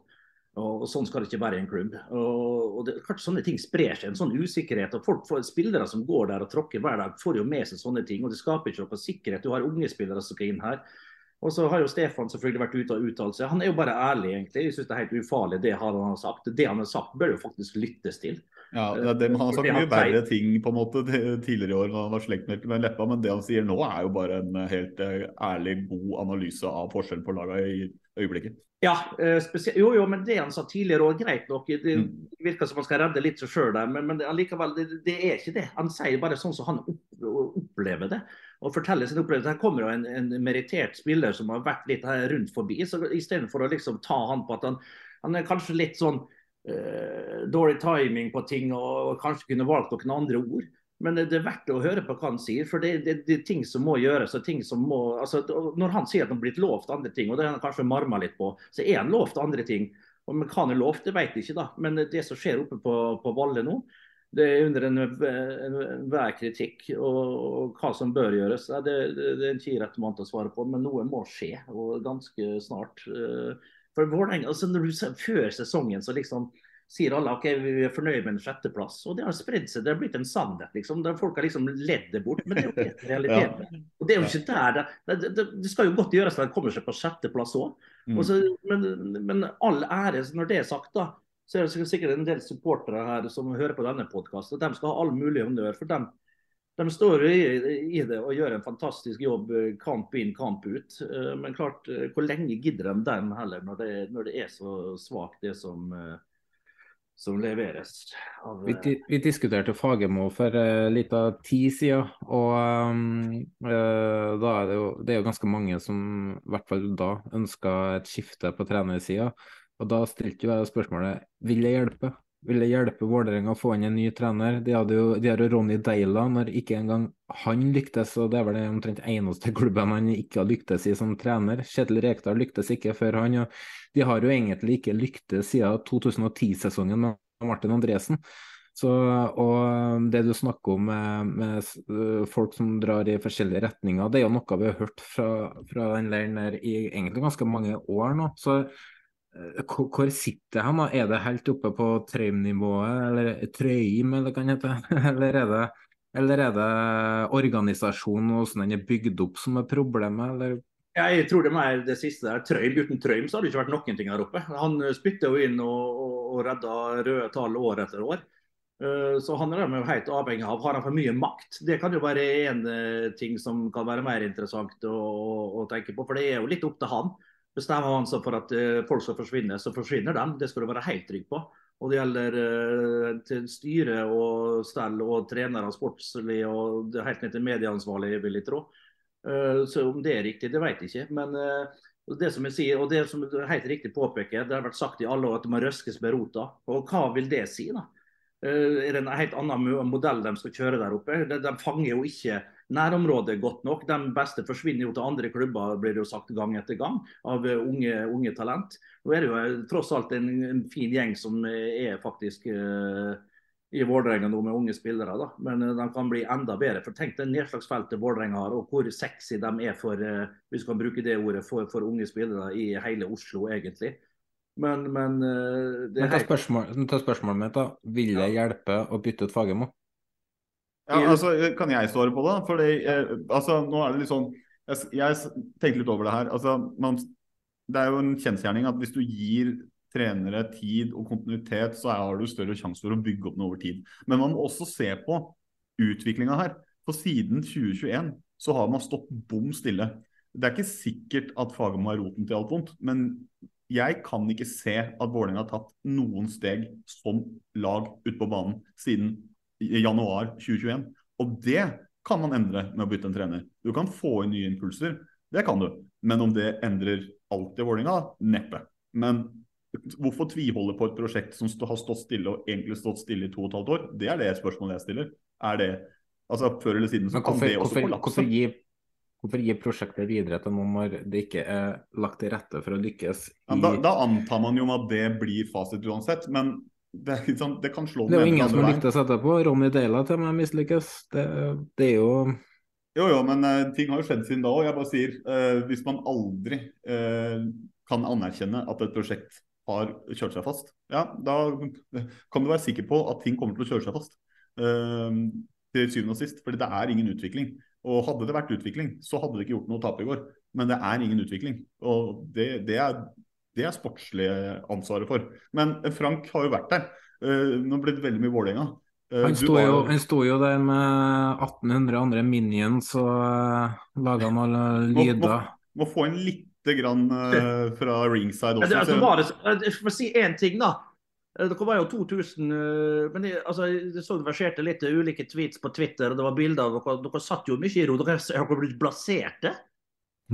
Vi får jo Vi fikk hele, hele tribuner. Uh, greia er jo det at uh, vi er jo kanskje Av de 2000, 2000 som var der, så er det kanskje 500 som er syngende supportere.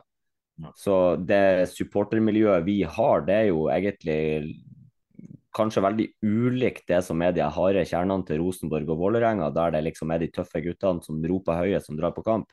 Vi eh, tar med oss eh, kjerring, unger, eldre, gamle, alt mulig på kamper. Og da er det, selv om det er 2000 der, så er det ikke 2000 som synger. Men på noen sanger så får du med alle uansett, fordi at det er sanger som er innøvd for hele tribuner. Men uh, men ja, du har jo to tredjedeler av tribuner er jo sittende felt, mens en tredjedel er stående felt. Så, men ja, eh, jeg var på kampen. Kjedelig, og... men godt svar. jeg, var på, jeg, var på, kampen, og uh, dere har jo egentlig beskrevet ganske mye av kampen allerede, så det har jo vært litt gøy å sette seg som Glimt-supporter og bare uh, høre på for en gangs skyld, i stedet for å være den som skal ta ordet. Men uh, jeg kan jo ta det fra et supporterperspektiv. da. Vi har snakka om at vi var 2000. Vålerenga hadde vel litt over 3000 på østblokka. Jeg syns det er god stemning eh, på begge sidene. Selges vel en 12 000 billetter eller noe. Det som er veldig positivt med Vålerenga i år, selv om at det er sportslig lugga, er det at det er oppgang og spor på tribuner. Det er mer engasjement enn tidligere. og det skal du hylle enkelte i klubben for. Vi kan jo vel name-droppe han Meran med en gang. og og andre som bidrar til at entusiasmen og det trøkket for å ha lyst til å bidra fra sida, i hvert fall er til stede, så er det jo kanskje Kanskje noe må gjøres i klubben. Jeg skal ikke være den som øksa han Fagermo her, men det er i hvert fall, det er i denne klubben der som har lyst til å hjelpe den opp og frem. Men eh, vi går videre, vi, nok om det. Gå videre, vær så ja, Vi går videre til lagene som kanskje har hatt litt marginer i år. og Da tenker jeg på Tromsø, og nå er det noen som kommer til å bli sint, men jeg vil si LSK òg. For de har hatt et par kamper som de har uh, bekka til sin fordel i sluttminuttene. Eh, starter med Tromsø, som slår Sarpsborg 08-2-1 etter å ha ligget under 1-0. og Det er jo Traoré, innbytteren, som endelig er tilbake på banen, som setter inn 2-1 i det 92. minutt. Tromsø ligger nå på en tredjeplass med pluss tre målforskjell, og har da 11-8 i målforskjell. På XG-tabellen, Footmob, så ligger de altså på 14.-plass, og det er kun Sandefjord og FK Haugesund som ligger bak, med kun 8,4 i XG. Molde på førsteplass har uh, for øvrig 20,8. Uh, store sjanser skapt i år ligger de òg på sisteplass. Uh, og um, bomma på, størst, eller, og bomma på store sjanser, så ligger faktisk Rosenborg på førsteplass med 19 sjanser de bomma på. Tromsø har én. Skudd per kamp 13.-plass med 2,9. Så at de ligger på tredjeplass er jo egentlig helt spinnvilt, Frank. Ja, det, men det har vi vært innom tidligere, at de har fått veldig godt uh, betalt for uh, det som egentlig ser ut som en veldig svak statistikk. Uh, og igjen, for å gjenta meg sjøl fra tidligere episoder, det er en soliditet bak som er det han Helstrup har bygd i første omgang, og så er det noe spennende fremover. Så klart, jeg har jo ikke trua på at Tromsø skal stå på tredjeplass når vi har spilt 30 runder, men uh, man må gi dem eh, cred for det de faktisk har levert. Ja, altså, De kampene som ligger an til å gå uavgjort, så har motstanderlaget en keeper som har glemt å ta drittalin, og så går til angrep på motstander, og så er det straffespark, og så vinner den òg. Så det er jo um, det er egentlig ganske spinnvilt, det der. Men i kampen her så er det jo, i hvert fall på XG, så har det jo faktisk 1,8, som er mer enn Sarpsborg, som har 0,85. Og de har faktisk ti skudd eh, totalt, to store sjanser. Så de vant eh, den statistikken òg. Så det, statistisk sett så er det faktisk kanskje Tromsø sin aller beste kamp i år. Så da er det vel kanskje fortjent at uh, de vinner. Hva har du fra den kampen vært? Eller fra Tromsø i år, for, for den gangen? Nei da, jeg må hive meg på Gaute Helstrup. Det, det, er imponerende. Men de har hatt flyt, selvfølgelig. Men det er artig å se, da. At uh, når du ser de tre øverste lagene her, så i Eliteserien, når de har spilt en tredjedel, så er det to nordlandske lag eh, helt Det er ikke artig i hele tatt? Jo, jeg, jeg, må, jeg, må, si at jeg syns det er litt eh, stas med Tromsø. Og jeg har spilt mye oppe på Alfheim, som jeg kaller det, da, eller Romsa Arena. Og Det var alltid et helsike å komme dit opp. altså. Eh, om det var snø eller sna eller sno eller hva det var der oppe. så bare det var, det var, rett og slett et mareritt å komme dit opp. Det var vel mange år her der, ikke, der det ikke var et fort oppe på Tromsø. der oppe, Men uh, hvis de får til det og, og, og, får mest mulig poeng hjemme og klart De skårer ikke all verdens mål, er effektive. og helt enig at De kommer jo aldri til å ligge på tredjeplass, sorry. Det gjør de ikke når sesongen er ferdig her. Jeg var litt skuffa over Sarpsborg i dag og håpte litt. Jeg skal ærlig innrømme det. For jeg vil ha Sarpsborg litt opp igjen. For jeg syns de spiller en, en, en, flott fotball når de spiller på sitt aller beste og har noen spennende spillere der. Uh, hadde de stukket av med seieren jeg trodde de ville gjøre når de gikk opp med Torp etter en halvtime, så hadde jo dem ligget på, på tredjeplass og kunne ha vært der oppe. Men at de skifta plasser etter hvert, det er jeg ganske sikker på. Men eh, Troms er jo avhengig. Jeg tror de tenker at OK, fy søren, nå har vi en ganske flying start her. Ligger an til å, å få godt med poeng. Men uh, jeg, jeg, tror at Gaute Helstrup tenker at OK, nå er vi på god vei til å få uh, eh, 30 pluss med poeng. Og vi er godt, godt i rute der, så får alt annet være en bonus. Det er jo Når du har fått de resultatene med deg, da, så er det kanskje litt lettere å ha fokus på å utvikle spillet videre framover. Du får litt mer sjøltillit. Men de har jo en keeper bakerst, da, Jakob Haugård, som ikke har etter åtte minutter med en skade. og Det er ganske rart å si, men han er faktisk veldig viktig for eh, deres offensive spill. Han står jo bak og starter veldig mange av angrepene. og eh, Desidert beste keeperen i Eliteserien med ball i beina, og har etter min mening vært den beste keeperen til nå i år. Men eh, vi går videre til Lillestrøm. Bare si det, og så har de litt undervurderte spillere. Ja. både bak dem med Psyké har jo hatt litt sånn ups and downs, selvfølgelig. Eh, men når han er på sitt beste og er i form Nå ble han bytta ut etter 70, han òg. Men, men, men Jostein Gundersen leverer alltid. Stabilt. Zakarias Oppsal er en bra spiller. Sammen med Yttergård Jensen så er det, er det bra. Det faktisk holder bra eh, eliteseriestand. Og så, og så har du Kent Are Antonsen, så du kan begynne å putte inn hvor du vil hen. Så de har, mm. får jo maks ut av eh, troppen sin, eh, spør du meg. da. Men klart, det er en det er tynn stall skyte inn der. altså, Jeg syns Utvik har vært eh, Eliteseriens beste stopper til nå. Eh, Jostein Gundersen er en god nummer to. Jeg syns de to mm. har vært vanvittig gode så langt i Eliteserien i år. Så er det Øyvann òg, som Eller Øyvatn, hva heter det? Øyvann, ja. Øyvann, ja. Han har vært uh, meget bra. Vi går videre til et uh, annet lag, Lillestrøm. Ikke så mye marginer i kampen her, men jeg syns de har hatt litt marginer i enkeltkamper tidligere i år. Akor Adams har vel det fjerde kampen han skårer, eller det femte.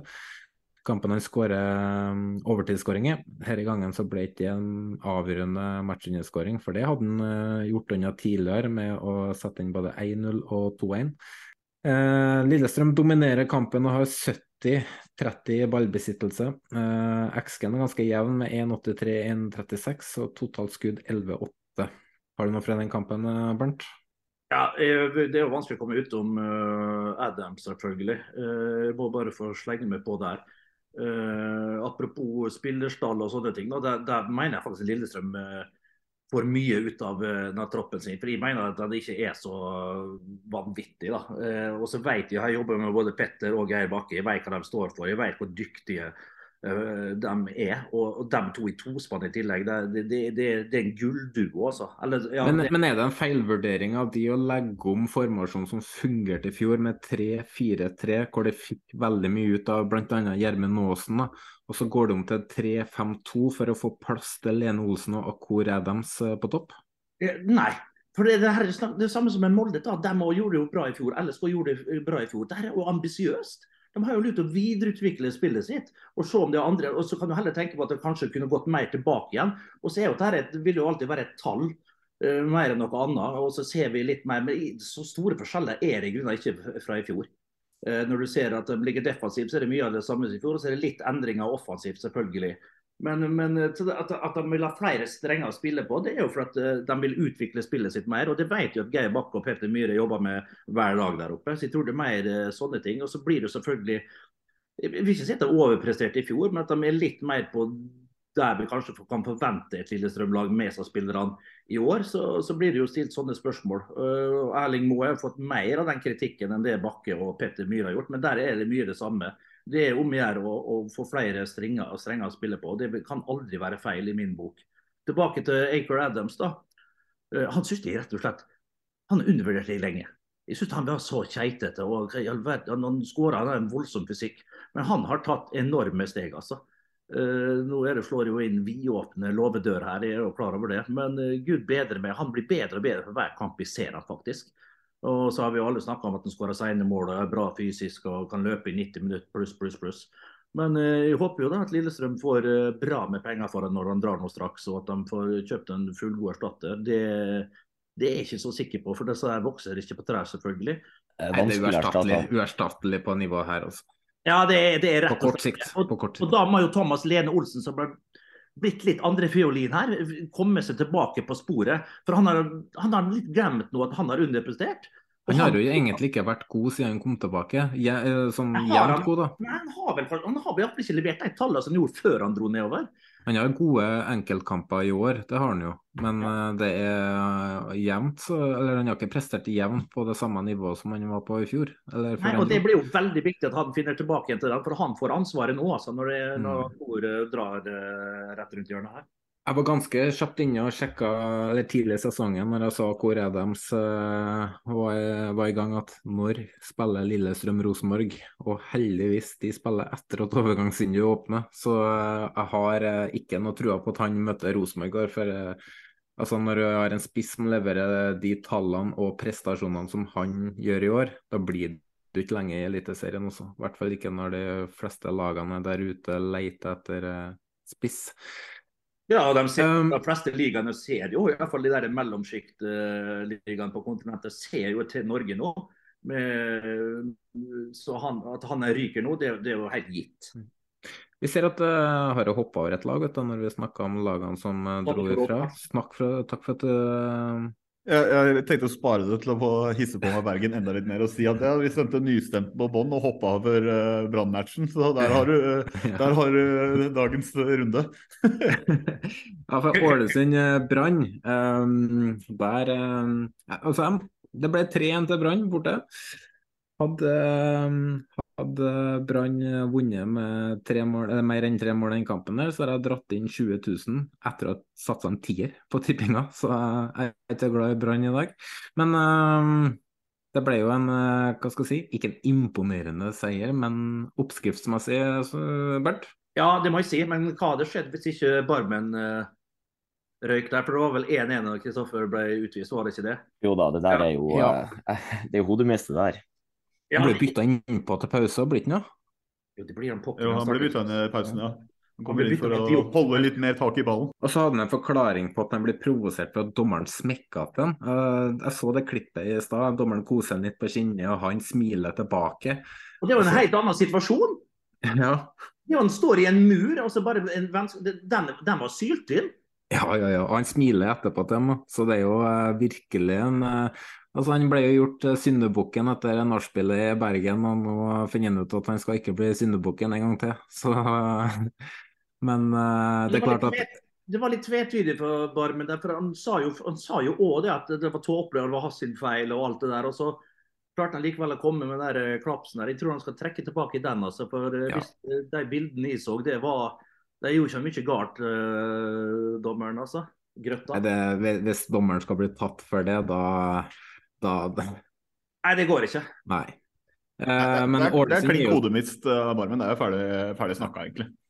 Det er jo, eh, Ålesund er jo egentlig sin eh, verste fiende i kampen her, da, for da er det jo Barmen som får det røde kortet. Men du har jo òg Grytebust på det frisparket der, som eh, nærmest gir ballen tilbake. Altså det fryktelig dårlig keeperspill fra en ellers så i hvert fall i fjor var en av de bedre i Eliteserien, men i år så syns jeg ikke Grytebust har levert på det nivået som han uh, har vært på tidligere.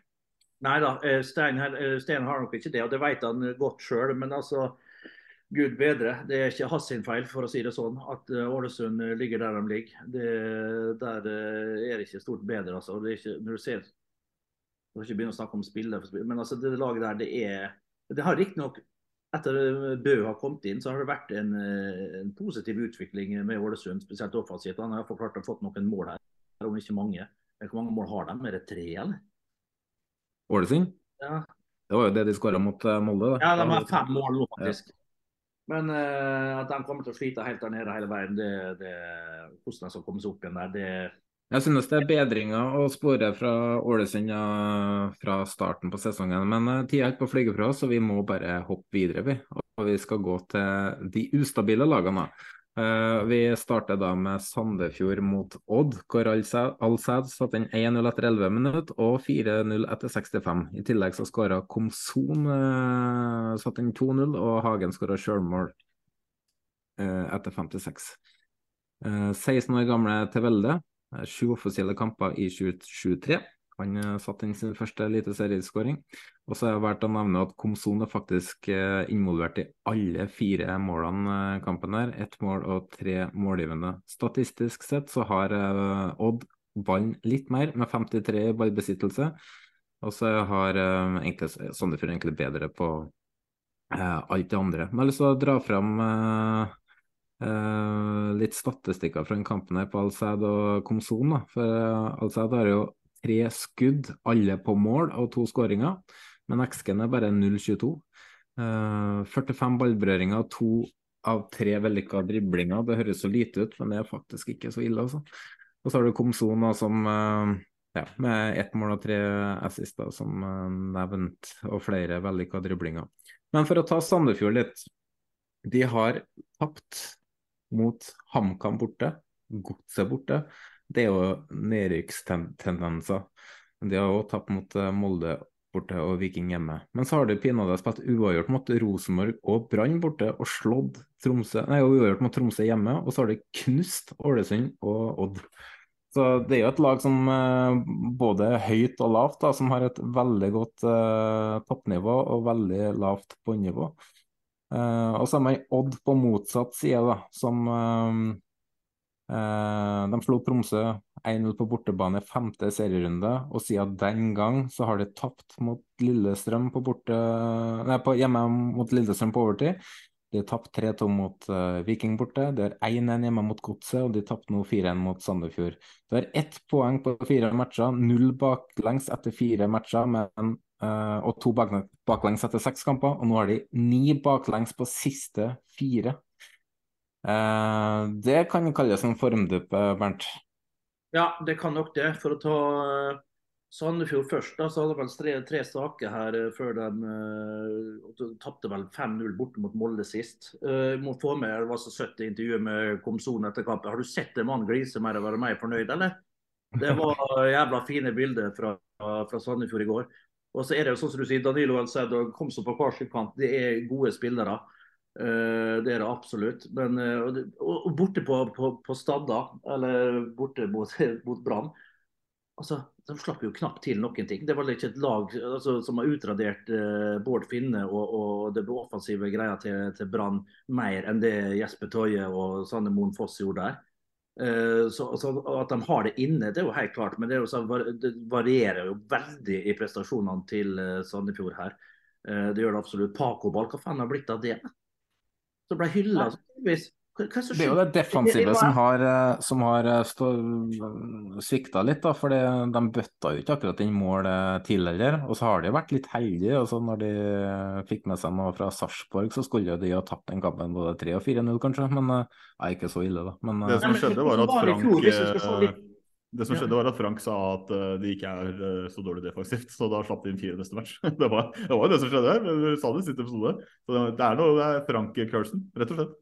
Hver, hver, episode så melder jeg fem ting, og tre av de går til helvete. Men nå, nå, har det jo begynt å bygge seg opp mer og mer et sånt der, um, ikke hat, men uh, litt rivaleri mellom Odd og Sandefjord, nå som vi har blitt uh, samme fylke. Men uh, uh de møttes jo i cupen uh, tidlig i år òg, hvor Sandefjord knuste Odd. Og Det som vi har vært inne på tidligere i sesongen, eller tidligere i episodene her, da, er jo at uh, Sandefjord trives veldig godt med å spille mot lag som tar risiko i frispilling bakfra. Uh, for de har, et veld, de har veldig mye fokus på høyt press før sesongen her, og det har jo sett resultatet av uh, i år. da. Også, men så ser det jo litt bedre ut når det legger seg bak. for Spiller for spiller så skal jo Odd være et par hakk hvassere enn uh, Sandefjord. Men uh, eh, 4-1 også, det er imponerende. Det er ikke noe annet å si om det.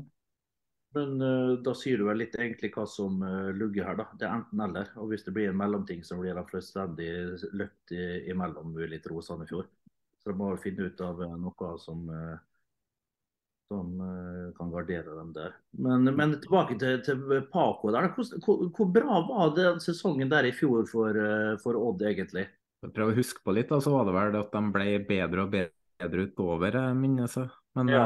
de, de mista jo Lauritzen på topp, og han var jo outstanding til tider. Var, var meget god. Og så syns ikke jeg at de har klart å erstatte han eh, på en god nok måte. Det er i hvert fall ikke en goalgetter der. Eh, Konrad Vallem ser jo veldig god ut, og han kan jo fort bli solgt uh, nå i sommer. Og Odd uh, håper jo på å få til noe spillersalg, for jeg tror de har budsjettert med 20 millioner i salg. Så, så men det er, jo, det er, jo, tynt hos Odd. da. Det er ikke all verdens bredde. Det er mye unggutter som kommer opp. da. Du har Kittelsen, og så har du Tevellen. Ja, så var det vel en sånn litt mini-hype på, på, Ikke hype, ja, litt på Midtskogen der. Han har vel ikke innfridd helt, han heller.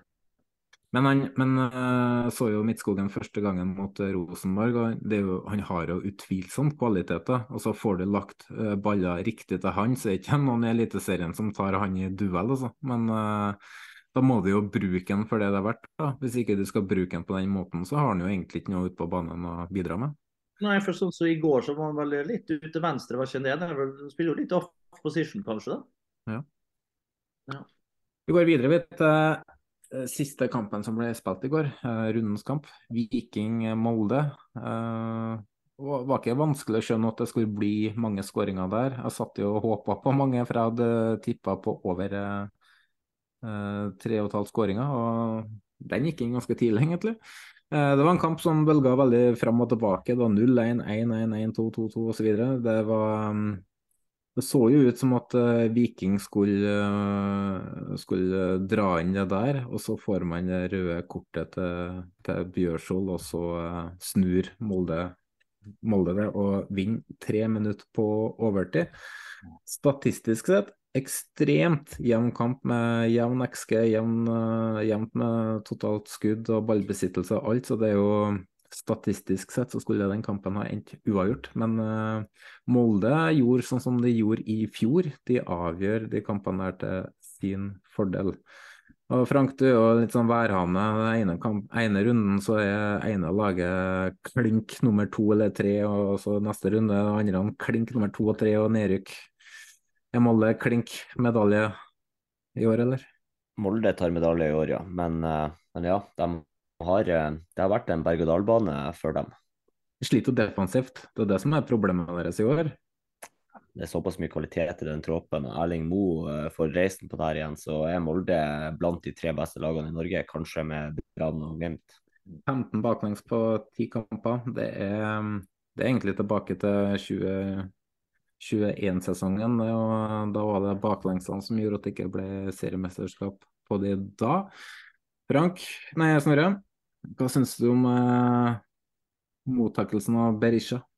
Ja, det var jo venta, det. Jeg syns det er helt eh, på sin plass uh, med tanke på den temperaturen som har vært, at eh, Vikingfansen faktisk uh, steller seg bak ordene sine og melder Og jeg må bare si at det er banter i verdensklasse med å kaste monopolpenger og slanger på banen. så det Kan du ta det at det er jo egentlig sikkert mange som mener det, men den er en stor kandidat til et av rundens absolutte høydepunkt for i hvert fall min del. Eh, det der. Men uh, er altså en uh, sinnssykt artig fotballmatch også for en nøytral supporter. Så det, det, er mye i den matchen der som er god reklame for norsk fotball. Frank, hva syns du om var det verdensklasse av Vikingfansen på Twitter etter kamp? På Twitter? Nei, mm. Jeg har ikke fått med meg alt, men uh, det ser jo at det er jo mye banter frem og tilbake. Uh, I hvert fall uh, mellom Molde og Viking. og ja, Jeg er jo, er jo egentlig for det, men ja, det er jo forskjellig nivå på forskjellige folk. La meg få ta den litt, da, for det var jo Det er lov og det er kult når det blir litt slengt litt, litt dritt, det må vi tåle. Men vi var jo innom det når hadde Pernille med her, at begynner å dra inn sarr Um, det, det, det, blir da, da, går det litt for langt, da. Og jeg har jo sjøl gjort det tidligere og skjønt at uh, uh, man skal ikke ta supporterne for det. Altså Jeg så flere på Twitter, og det uh, man bruker går tilbake til noe som skjedde i var det 2018. Um, som samme supporter som ble tatt nå, har tatt avstand fra og kritisert egen klubb for. Um, det må vi nesten bli ferdig med. Vi kan ikke bruke det som banter uh, oss supportere imellom. Uh, skal man ta noen for det, så er det Molde. Og Molde har jo sjøl vært ute for et par måneder siden og lagt seg flat for måten de håndterte uh, saken på. Så um, det må vi bare slutte med. Bernt, hva syns du om den kampen? Jeg syns det var en uh, god kamp. Eh, eller god kamp, det var en uh, underholdende kamp. Det var det. Og det der rødkortet til Bjørsvold, og når, når Grødem og Eikrem kom inn, så skjønte vi alle egentlig hvor det bar. når du så Eikrem var tidligere spillesugen, spillekåt selvfølgelig, og fikk rom. Og da er jo den pasninga egentlig til Kristoffer Haugen, så jeg synes det, det er jo jævla fint av, av Emil Breivik, som var kampens store store spiller. For en mm. spiller han begynner å bli, for et format han begynner å bli.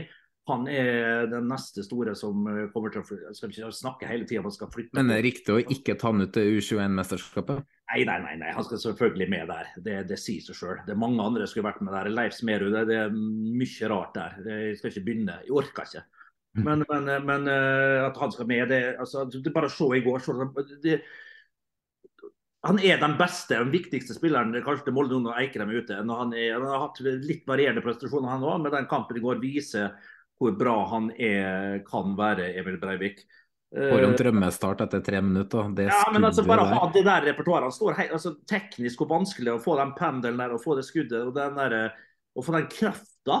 Det, det, det, det er få som får til. altså Det, det krever sånn eh, teknikk. det. Eh, utrolig skåring der ut fra ingenting. og Det var jo viktig. Så kom jo Viking og snur der, så tenker jeg ok, nå lugger jeg igjen for Molde. Men så ser du jo at uh, Viking har problemer bakover. Det er ikke tvil om det. De har jo gode spillere. De har jo en utrolig fire bak der egentlig på papiret, med Brekkalo, Stensnes og, og Bjørsol. Så Bjørsol hadde en, en, fin assist og, og, og skåring der, vel. Uh, så han hadde jo en litt sånn opp-ned-dag. Men uh, et Molde-lag, hvis vi skal ta Molde, da. Skårer fire mål, men er selvfølgelig som vi alle konkluderer med egentlig alt altfor avhengig av, av Eikrem. Man kommer inn og, og, redder dem egentlig sammen med Grødem. Berisha kan vi jo snakke mye om. Uh, springer jo, løper jo mye. Fikk, mye, fikk jo for så vidt litt uh, skryt sist. Uh, at han sprang og åpna opp for mange andre, som vi vet han gjør. når han vant uh, komfortabelt mot Sandefjord sist. Men til sjuende og sist så er han jo der kjøpt for å, å, skåre mål. og det har han ikke gjort ennå. Så hva er statsa altså, egentlig opp igjennom? Altså, når jeg begynner å tenke litt på det. Det er litt interessant å gå inn og se hvor masse mål han egentlig har skåra.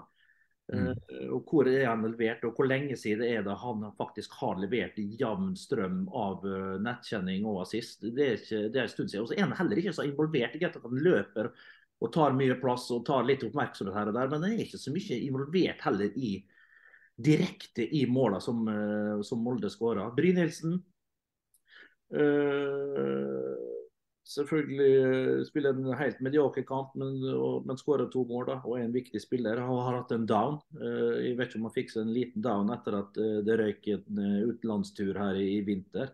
Sånne ting kan ta litt luven av spillere. Hvis du føler at nå er det OK, nå er det min tur til å komme seg ut. Og da liksom å, å komme seg opp på hesten igjen og begynne å levere sånn som du vet du, du kan, det er ikke like lett alltid.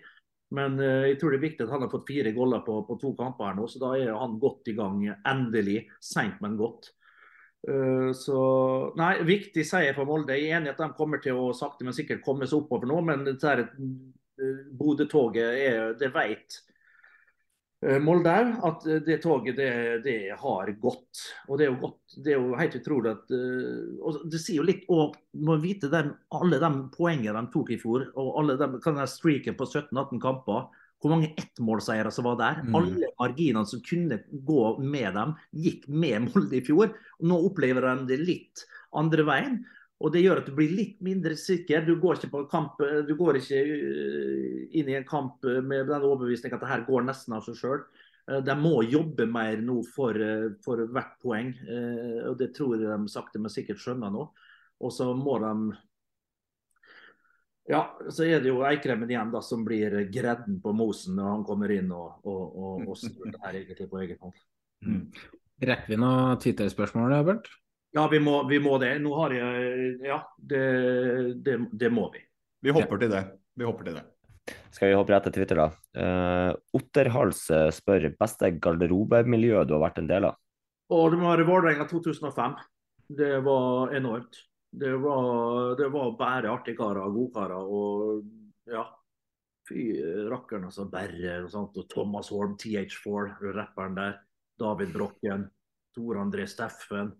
Eller, ja, De kan nevne hele, absolutt hele gjengen, og, og, ikke minst alle juniorspillerne. De spilte jo en god del eh, med, med B-laget det året. Og så der er røverne på, på B-laget der, altså juniorene der. Herregud, du lærte mye skittetriks hos karene der, hvis jeg ikke mer. Jørn Henland spør hvordan få Rekdal til å flire? Ja, det, det, er blitt lettere med åra. Jeg har brukt noen år på det der, men uh, han, han, det, det bare komme, senke seg ned på hans sitt nivå, så, eh, så, får du han til å le. Og Det er ikke så vanskelig skal folk skal ha det til. Han er faktisk en, en spilloppmaker og godkar. Han ler av seg sjøl, da? Han ler av seg, Og at han er så streng og alt sånt, det, det, det, er bare sånn, Han har et sånn ytre som virker som han er litt streng. Det vil han alltid ha. Men, jeg må bare, bare få si det, da, at uh, Rekdal har fått gjennomgå veldig mye av Rosenborg-fans, også meg, siste tid. Men Eh, det, han har vokst på veldig mange trøndere og andre i den tida i Rosenborg. Han har vært veldig mye i media, men eh, det er veldig mange som har et annet inntrykk av han nå enn hva de hadde tidligere. Eh, han er jo en skøyer, og han nei, jeg er veldig glad i Rekdal som person, og, og tidvis før, no, før motgangen da, som leder. Um, og hadde virkelig trua på at uh, han er den lederen som en stor klubb som Rosenborg uh, har hatt behov for. da. Så syns jeg bare at han har malt seg litt inn bak et hjørne nå med noen uttalelser som jeg gjerne skulle sett foruten, sånn som etter kampen nå som han Eh, etter seieren begynner å dra opp eh, pipinga to kamper på rad som påvirker laget. Så, uh, supportere tolker jo det som at nå skylder de på supporterne for at det har gått gærent. Da. Og det er, ikke, det er ikke helt heldig å si, mener jeg. Da. Jeg har, jeg, jeg har noen uh, Molde-supportere som har slengt ut noen spørsmål her. Anette, ja. Anette spør er det sant han har hesteallergi. Ja, det, det stemmer veldig godt. Jeg har en sterk sterk allergi mot hest. Jeg husker at Første gangen jeg opplevde det, var i Legoland i 85, tror jeg. Eh, der jeg nesten eh, kvaltes. Og Det er grunnet bare en, en, god dansk doktor som, uh, som jeg kan takke for at jeg holdt på å stryke med, faktisk. Uh, Stefan spør hva er historien bak Hulskerkneika på Sportsbaren 1911 i Molde? Uh, det var en, et skilt som kom opp der. jeg tror det var innehaver Erik Hatterem som mente på at hvis du de hadde en litt sånn, Hvis de var i et godt lag, så kunne de få en sånn knekk. Jeg, jeg, jeg er ikke helt sikker sjøl, men det, i fall, var et eget område inne på sportsbaren som heter Hulskeknekka. Og det var når du, ja, Jeg tror ikke vi skal gå nærmere inn på det. altså. Jeg er litt usikker, faktisk, opphavet der. Eh, Vebjørn Hundnes eh, spør eh, om det fortsatt eh, går mye hong, hokk? Hokk? H-o-o-c-h? H-O Hooch. Hooch. Hooch, det var en eh, Ja, det der er fra en eh, historie jeg hadde om Magne Hoseth på gode gamle fotballpodkasten for en eh, ja, Det var nesten ti år tilbake i tid, tror jeg. Eller sju-åtte år iallfall. Uh, jeg anbefaler Jeg tror den, jeg tror den Hvis du har lyst til å høre den historien, så kan du gå inn på YouTube. Jeg tror den ligger der. Magne Hoseth og Hooch søker du. Uh, Toril spør er det sant uh, det han skrev i boka om at Trond Strandre røyka? Uh, Trond fikk, ja, det skrev i boka. Han gjorde det, han gjør det ikke lenger. Men det skal sies, selv om han likte å ta så jeg likte å ta med en rulle tilbake når vi kjørte fra Åre. For Vi måtte kjøre ut til østkanten av byen, og så måtte vi tilbake på stadion for å skifte og dusje. Og når jeg satt på meg Passaten til Trond da, så var det ofte at vi tok oss en liten rulle tilbake og tok et par-tre trekk. Men det var sånn vi gjorde før i tida. Det er 25 år tilbake i tid. Men Trond Strande han røyker ikke i dag. Han er knapt tygga tyggis, tror jeg. uh, Lars eh, spør hvem tar medaljen i årets eliteserie? Oi, godt spørsmål. Uh, skal vi se her. Da må jeg faktisk uh, Bodø vinner. Du kan få hele gjengen her.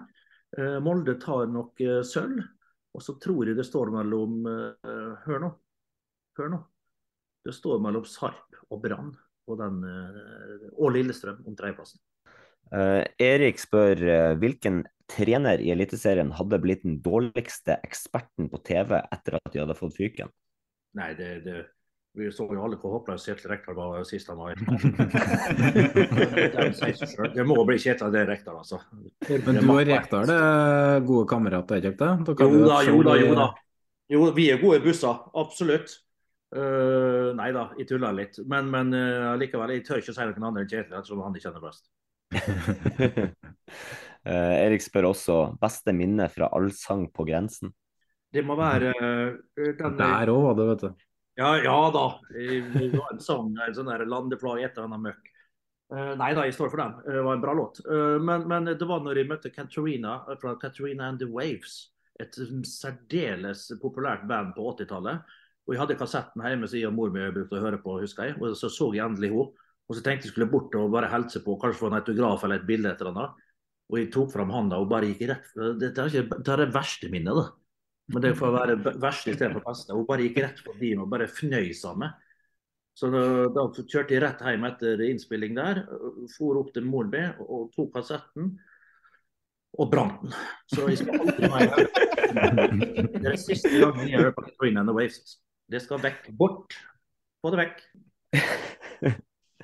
Uh, Fort Aspmyra han har en konto som sender oss mye dilemmas. Jeg begynner å lure på om det kanskje er han Jonas uh, sjøl som står bak. Uh, dilemma nummer én. Gifte deg med Kari Jackison eller Berit Riise? Ja takk, ja takk, begge deler, sier jeg. Dilemma to. Du står fast i the man train. Det vil da si at du står i midten med en mann bak og en mann foran deg. Mannen bak deg er han Panserhagen, og mannen foran, og mannen foran deg er han Ivar Nort Morten Nordmark. rygger du bak, eller støter du frem for å komme deg ut av toget? Er det ja takk, begge deler her òg? Ja, det, er, det blir samme svar som på en. Altså. Det er fram og tilbake, fram og tilbake. Det plutselig har du, går, du går ikke av toget, blir værende på, værende på ja. toget? Vi reiser med første klasse hele veien til endestopp. Siste spørsmål fra vår venn Emil Almås. Har han omsider bestemt seg for hvordan fotballandslag han vil representere? Norge eller Nederland? Jeg sa jo det som eh, Det er ikke kødd engang. Eller, folk trodde ikke det var kødd, men eh, jeg husker jeg ble spurt rundt årtusenskiftet. Det var fra kompiser, da. Tenk hvis du er god nok for landslaget. Tenk hvis du blir god nok for landslaget. Du til å, det var helt enormt. Dere kommer til å takke nei, sier Vi skal vente på uh, telefon fra jeg vet ikke om det var Dick advokat som styrte Jeg halvt Hollandet. Jeg sa at så Drømmen min var å bli tatt ut på det norske landslaget, noe som jeg ikke var i nærheten av. selvfølgelig. Takke nei og si at jeg venta på at Holland skulle ringe. Vi kan, vi, vi, vi kan, vel avsløre her nå at det ble ingen telefon fra verken KNFB eller NFF. Da må Bernt eh, stikke, for eh, nå har dattera hans eh, venta lenge på han. Så eh, da må vi takke for laget. Det var utrolig hyggelig å ha deg med. Og så eh, ønsker vi deg lykke til videre med podkast og eh, diverse prosjekter. Og så håper vi at vi snart ser deg på skjermen igjen, for det tror jeg de aller fleste vil. Tusen takk for at du fikk være med, folkens. Det var en ære. Så kanskje bli invitert en gang til. Jeg håper jo det, i hvert fall. Satser på det. Ja, ja, ja. Det, det skal du ikke tenke på. Ha det bra. Ha det, bra. Ha det godt. Altså, Jeg orker ikke å diskutere om folk uh, tar hverandre opp i ræva, eller hva det er for noe sånt. Da dro eh, Bernt da, og Jonas, det, det, var det du hadde forberedt for i dag. Så da du, kaster du ballen tilbake til meg hvis jeg leser kjøreplanen rett her, stemmer det? Ja, ja. Ja, nei, men uh, Nå er det jo bare sjarmøretappen igjen, så dette skal jeg klare. Selv med masterpanikken. Uh, vi uh, må rett og slett bare kjapt ta rundens lag. Vi har diskutert fram. Det var hovedsakelig du og meg nå, Jonas. Frank med et lite innspill fra sida. Men du, du kan få æren av å lese opp det vi har kommet fram til rundens lag denne gang? Ja, kan jo starte med å si at det er noen runder som er vanskeligere enn andre. Og det her er en sånn runde, for det var utrolig mange som, uh, som leverte på høyt nivå, både i målpoeng og prestasjoner. Så jeg kan starte med benken, og det er jo Selvik. Reze. Wilsvik, som skåra mål i sin kamp nummer 400 for Godset. Grønbæk, Skarsheim for Rosenborg, som, som, midtbanespiller, har to skåringer. Og Horn Myhre for Brann, og Brynhildsen fra Molde, som har to mål. Men i elveren så har vi André Hansen, som uh, rett og slett eh, redda Rosenborg i første omgangen og var solid. Eh, nok en rosenborger på høyrebacken med Erlendal Reitan, som leverte to målpoeng. Uh, Reitan har for øvrig vært en av få Rosenborg-spillere som kan klappe seg sjøl på skuldra i år. Eh, det er forresten en 4-3-3-variant, nei 4-4-2-variant. Eh, på venstre back så har vi Vesterlund fra Tromsø. Eh, midtstoppere Øyvand fra Tromsø og Brede Mo fra Bodø-Glimt. To sentrale midtbanespillere. Det er Emil Breivik, som var outstanding for Molde. Og så har vi Nelson fra Rosenborg, da, som leverte både mål, mål assist og hockeyassist, og var Rosenborgs beste i den kampen. På kant så har vi to Sandefjord-spillere. Det er Alsæd og Komson. Og på topp så har vi eh, Akor Adams Alsad og Komson er litt av en morsom eh, kombo. Det er eksklusivt lag der, altså. Er eksklusivt, pleier jeg feil å si, men eh, ja. Samme. På topp så det Akor Adams og, og Pemi, da, fra Glimt. Så vi valgt å gi stjernene. Eh, tre stjerner til Komson. To stjerner til Akor Adams. Og så var vi veldig usikre på hvem vi skulle gi én stjerne til. Uh, så vi valgte å gi den til to, vi. Og det er Nelson for uh, Rosenborg som får den, og Alsæd fra Sandefjord. Ja, Grunnen til at vi gir de en stjerne hver, er fordi at vi kan. Ja, og så ble det var, når alt kom til alt, utrolig vanskelig å skille den siste stjerna. Så istedenfor å gjøre det vanskelig, så gjør vi det lett. så, ja. det, men uh, vi hopper videre helt til slutt til rundens pluss og minus superkjapt. Frank, pluss for deg? Uh, pluss for meg er rett og slett uh, vikingsupporterne uh, sin banter mot Berisha, og Berisha, ikke minst Berisha sin måte å håndtere det der på. Det er nydelig fyring fra begge hold. slanger på banen i flere betydninger. regna monopolpenger. det som var kanskje svakest med det hele, er den horesangen de kommer med, men der igjen syns jeg Berisha leverer strålende med å bare stå og suge til seg hatet. Så min rundes pluss er rett og slett det, eh, det trøkket som var fra felt O mot Berisha, og måten han håndterte det på. Og minusen, da? Rundens minus er eh, en, eh, et busslass med Fredrikstad-supportere som eh, velger å stoppe utfor Intility og bli angrepet av eh, Vålerenga sine ultras. Eh, unødvendig av eh, Ikaros. Eh, ja, eh, sånn syns ikke jeg vi trenger å eh, ja, holde på, rett og slett. Det er rundens minus.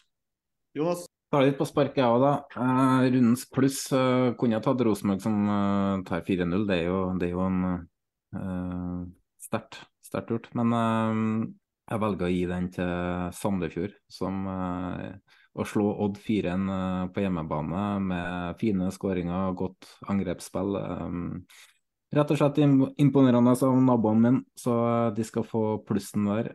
Eh, minus, vi var inne på det i stad, det er for Barmen, altså. Han, vi kan diskutere om det var riktig med rød kort eller ikke, det vet ikke vi, for vi vet ikke hva som ble sagt. Men den forklaringa han kommer med etterpå, som vi har vært inne på, den er så tynn at ja. Jeg tar min eh, pluss. Eh, vi skal tilbake til Stavanger. Eh, min pluss er til dommerteamet som endelig klarer å gi et rødt kort for spark mot hodet etter noen forsøk. og minuset er rett og slett samme mann som med et hodespark rett og slett sparka seg ut av rundens lag hos oss. Vi hadde en fantastisk match fram til det, og vippematchen da i, retning Molde sin favør. Ja, det kan jeg jo si at Bjørsvold var vi holdt jo på oppdatert laget underveis. Han var jo på høyrebacken foran Reitan eh, fram til røde kortet. Ja, og så kan jeg bare understreke det, at jeg har ingenting med at jeg mener at han eventuelt har prøvd å gjøre det med vilje, eller sånne ting, men det er en ekstremt klønete manøver. Og dommerne har jo ikke noe valg når eh, det har vært så mye snakk og de har vært så tydelige på at alle spark mot hodet det skal bli rødt kort fra nå av. Uh, ja, det er det, det jeg, endrer, jeg endrer min pluss, da. Ja. Jeg endrer den til Bjørsol sin eh, reaksjon etter det røde kortet. For det syns jeg er fint gjort. Han skjønner sjøl at han Litt som Siljan mot eh, Glimt. Han skjønner sjøl at eh, OK, her har jeg driti meg ut. Ikke noe sutring til dommer eller klaging. Han går og sjekker at Haugen har det bra, og så tusler han av banen. Ja. Nei, minusen, minusen, går rett og slett bare på et uh, uheldig eller klønete spark, kall det hva du vil, som sparka seg selv ut av laget og uh, en fordel Molde, da. Eh, vi eh, avslutter superkjapt med tre kjappe. Og eh, Jonas, kommer det flere bannere på brakka i år? Ja. Hvor langt kommer Stjørdalsblink i cupen? Ryk neste. Kan i møte. I hvert fall ikke Rosenborg. Hvem blir ÅFKs neste trener? Uh, uh, nei, altså Sven Målen var linka der i dag, så jeg får si han. Ja. Frank, er Molde friskmeldt nå, da? Uh, ja. ja. Og hvor mange kamper blir Glimt å tape i år? Én. Og her, eh, Det neste spørsmålet var egentlig gesten til Berisha, yeah or nay. Det har du for så vidt svart på, så da tar vi eh, en annen, en liten eh, backup her. hvem vinner cupen 2023? Glimt. Ja, det er kjedelig svar. Vi går videre. Vi avslutter snart. Vil, vil du vite hvem vi slår i finalen? Ikke Rosenborg, i hvert fall. Så da må vi... Vi slår dere i finalen, Sondre. Ja, ja, ja. Jeg har aldri tapt en cupfinale, så det, det, det, det, tror jeg Ja, det må prøves. Det må prøves. Jeg har tatt flere. Nei, det, tror jeg, det, tror jeg først når jeg ser det. Så det, jeg veit ikke hvordan det er. Men eh, nå er det sånn at dette her er eh, siste runde før vi beveger oss inn i den runden hvor VAR skal fungere perfekt. Men ikke bare det, det er også siste runde før en ny landslagspause. Så uten å diskutere det for mye, for vi vi kommer til å holde trykket oppe med episoder, vi. Så um, er det mange kamper som skal spilles den siste runden nå. Samtlige lag skal i aksjon, selvfølgelig. Og det er noen godbiter der, men istedenfor å gå dypdykket der, så bare ta kjapt uh, hvem som møter hvem. VIF, Godset, Glimt, Kamma, Haugesund, Sandefjord, Stabæk, RBK, OFK TIL, Odd, Molde, Sandefjord 08, Sarpsborg 08 Viking og Brann LSK som en aldri så liten fin, fin hovedkamp før vi tar en aldri så lita landslagspause. Som, er det noen dere gleder dere ekstra til den siste matchen der, eller er det bare å glede seg til at VAR fungerer? Skal man være altså man, Uten å si sitt eget lag, da. Det er jo ikke noe tvil om at uh, Vålerenga-Godset, der blir det kok. Det er såpass nærme hverandre. og nå har uh, det er tre av fire lag som har vært på Intility som har levert enormt med tilskuere. Så får vi se om uh, Godset reiser med 200 stykk dit, sånn som de gjorde til Åråsen, eller ikke. Uh, ellers så beit man merke i uh, Sarpsborg Viking. Uh, hva det er fjerde mot femteplass, eller noe sånt. Mm. Uh, og ikke minst, ikke minst hovedkampen Brann-Lillestrøm. det blir deilig å komme hjem etter å ha knust HamKam og se den kampen på TV. Så da, Kim Rolund, som var gjest hos oss, hvis du hører på, det er bare å dra med alle gutta dine og jentene fra Drammen og komme til, Intility og lage nok en herlig ramme. Jonas, er det noe du har pekt ut? Ja, det var reprise av cupfinalen med Brann Lillestrøm. Det, det, blir en, det tror jeg blir en kul kamp. En ting til å skyte inn der nå, som vi faktisk har et heftig kampprogram med cup eh, midtuke og eh, serie i helg, er det at Lillestrøm, som nå har snubla seg ut av cupen, eh, de har faktisk ei hel treningsuke nå. Og den første hele treningsuka Lillestrøm har hatt på nesten en måned, mens Brann får ikke det. Så det her kan jo spille inn akkurat der. Mm. Um, foruten det så er det litt uh, spennende med FK Haugesund og Sandefjord. Da.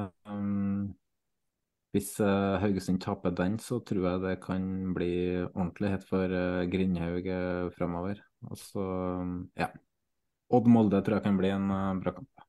Da kan vi avslutte med å si at den kampen som blir absolutt minst spennende, sånn som jeg ser det, er Glimt Kamma på Aspmyra. Det kan ikke bli noe annet enn slakt. Så får vi se da, om eh, Udal kan sjokkere. Jeg vet ikke. Men det var det vi gidder å ta om denne runden, eller? Neste? Ja. Det ble litt mye tid på Bernt i dag, så vi må Heldigvis. Heldigvis. Ja, ja, Bernt leverte i dag altså. Godt å ha han uh, på skjermen. Det, er, det, blir regelen, det. Hvis gjesten leverer, så kutter vi ned praten om neste runde. så det, vi, vi gjør det ikke vanskeligere enn det helt til slutt, før vi går på avslutning og takk, uh, så en liten sånn 69 på tampen. Det pleier, pleier å starte med det, men uh, greit. Hva sa du? Du pleier å starte med det? Altså, Det er jo bedre å varme opp med 69 enn hva å først knulle og så ta 69 etterpå. Det er litt ja. skittent, Snorre, men du er litt sånn. Ja. Uh... Funker det med 69 i posen din, eller? Å oh, ja, du drar den, ja. ja. Jonas, ja, det funker. Uh, det, Ok, Men da blir det en liten 69 på tampen. Uansett. Brann de hadde 72 eh, possession i første omgang mot uh, Ålesund. Og Sivert uh, Nilsen sa selv at det uh, hjelper jo ikke det. Det er hva vi gjør med ballen i boksen som kommer til å ha noe å si. Så de måtte justere ned ballbesittelsen litt, grann, helt ned til 69% totalt. da, Og snur også kampen i andre omgang. Så det er denne rundens absolutt lille siste 69-statistikk, som kanskje er verdt å bite merke Da gjelder det bare å takke Jesper Horten Kjernes for uh, outro, musikk og jingler, og Vestfold Lydstudio for intromusikk, Iver Steinsvik og Intune i Bodø for utstyret, og selvfølgelig Jan Erik Balto for uh, design som alltid. Den uh, Pulski-plakaten, ikke minst, som vi la ut for to uker siden og la ut igjen. så Eh, alltid tusen takk for det. Eh, trenger du merch, sjekk t-shirt.no. Der er der vi også får våre merch fra.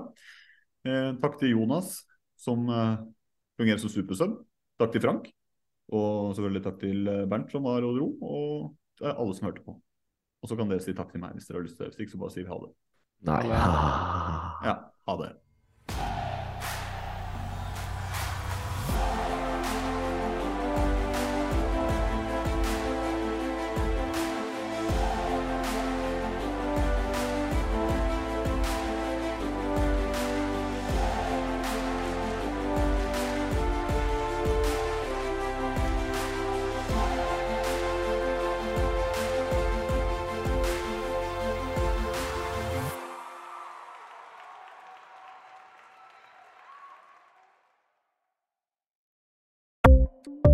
Ukens annonsør er HelloFresh. HelloFresh er verdens ledende matkasseleverandør og kan være redningen i en travel hverdag. Mange av oss har nok vandret i butikken både sultne og uten en plan for middagen, som ender med at vi går for de samme kjedelige rettene gang på gang. Middag burde være dagens høydepunkt. Som Hello Fresh kan du nå velge mellom 25 ulike retter hver eneste uke, eller få Hello Fresh til å sette sammen menyen for deg. Dette gir deg muligheten til å prøve nye og spennende retter alene eller sammen med familien. Du velger antall porsjoner og får alt levert på døren på et tidspunkt som passer for deg. Oppskriftene er enkle, og maten er lett å lage både for store og for små. Ved å få alt levert hjem får du også mer tid til å dele matgleden med familie og venner. Kanskje det frister med asiatiske tacos eller greskinspirert kylling? Da kan jeg anbefale deg om å gå inn på hellofresh.no. Her kan du bruke koden FOTBALL og få opptil 1779 kroner i rabatt på de første fem matkastene hvis du ikke har prøvd Hello Fresh tidligere. Du kan også bruke rabatten hvis du har vært kunde og stoppet abonnementet ditt for tolv måneder siden eller lengre. Gå inn på hellofresh.no og bruk koden FOTBALL. Ukens annonsør er Folio, en smartere banktjeneste for deg som har en egen bedrift eller ønsker å starte for deg selv. Folio er en superenkel nettbank for bedrifter. Som kunde i Folio får du en bedriftskonto med et bedriftskort og app. I denne appen er det smarte løsninger som forenkler regnskapet ditt, uansett om du har en liten bedrift eller et enkeltpersonsforetak. Folio er både intuitivt og brukervennlig, og er laget med et enkelt språk. I tillegg tilbyr de forutsigbare priser og ingen skjulte gebyrer. Skulle du likevel trenge det, så kan du snakke med deres raske og hyggelige kundeservice, og der får du prate med en faktisk person og ikke en chatbot. Folio er med andre ord både enklere og koseligere enn banken. Over 10 000 bedrifter har allerede valgt Folio som sin banktjeneste, så besøk folio.no og se hvordan Folio kan forenkle din hverdag også. Har du et enkeltpersonforetak eller en liten bedrift? Da er du sikkert lei av å høre meg snakke om hvor enkelt det er med kvitteringer og bilag i fiken, så vi eh, gir oss her, vi. Fordi vi liker enkelt. Fiken superenkelt regnskap.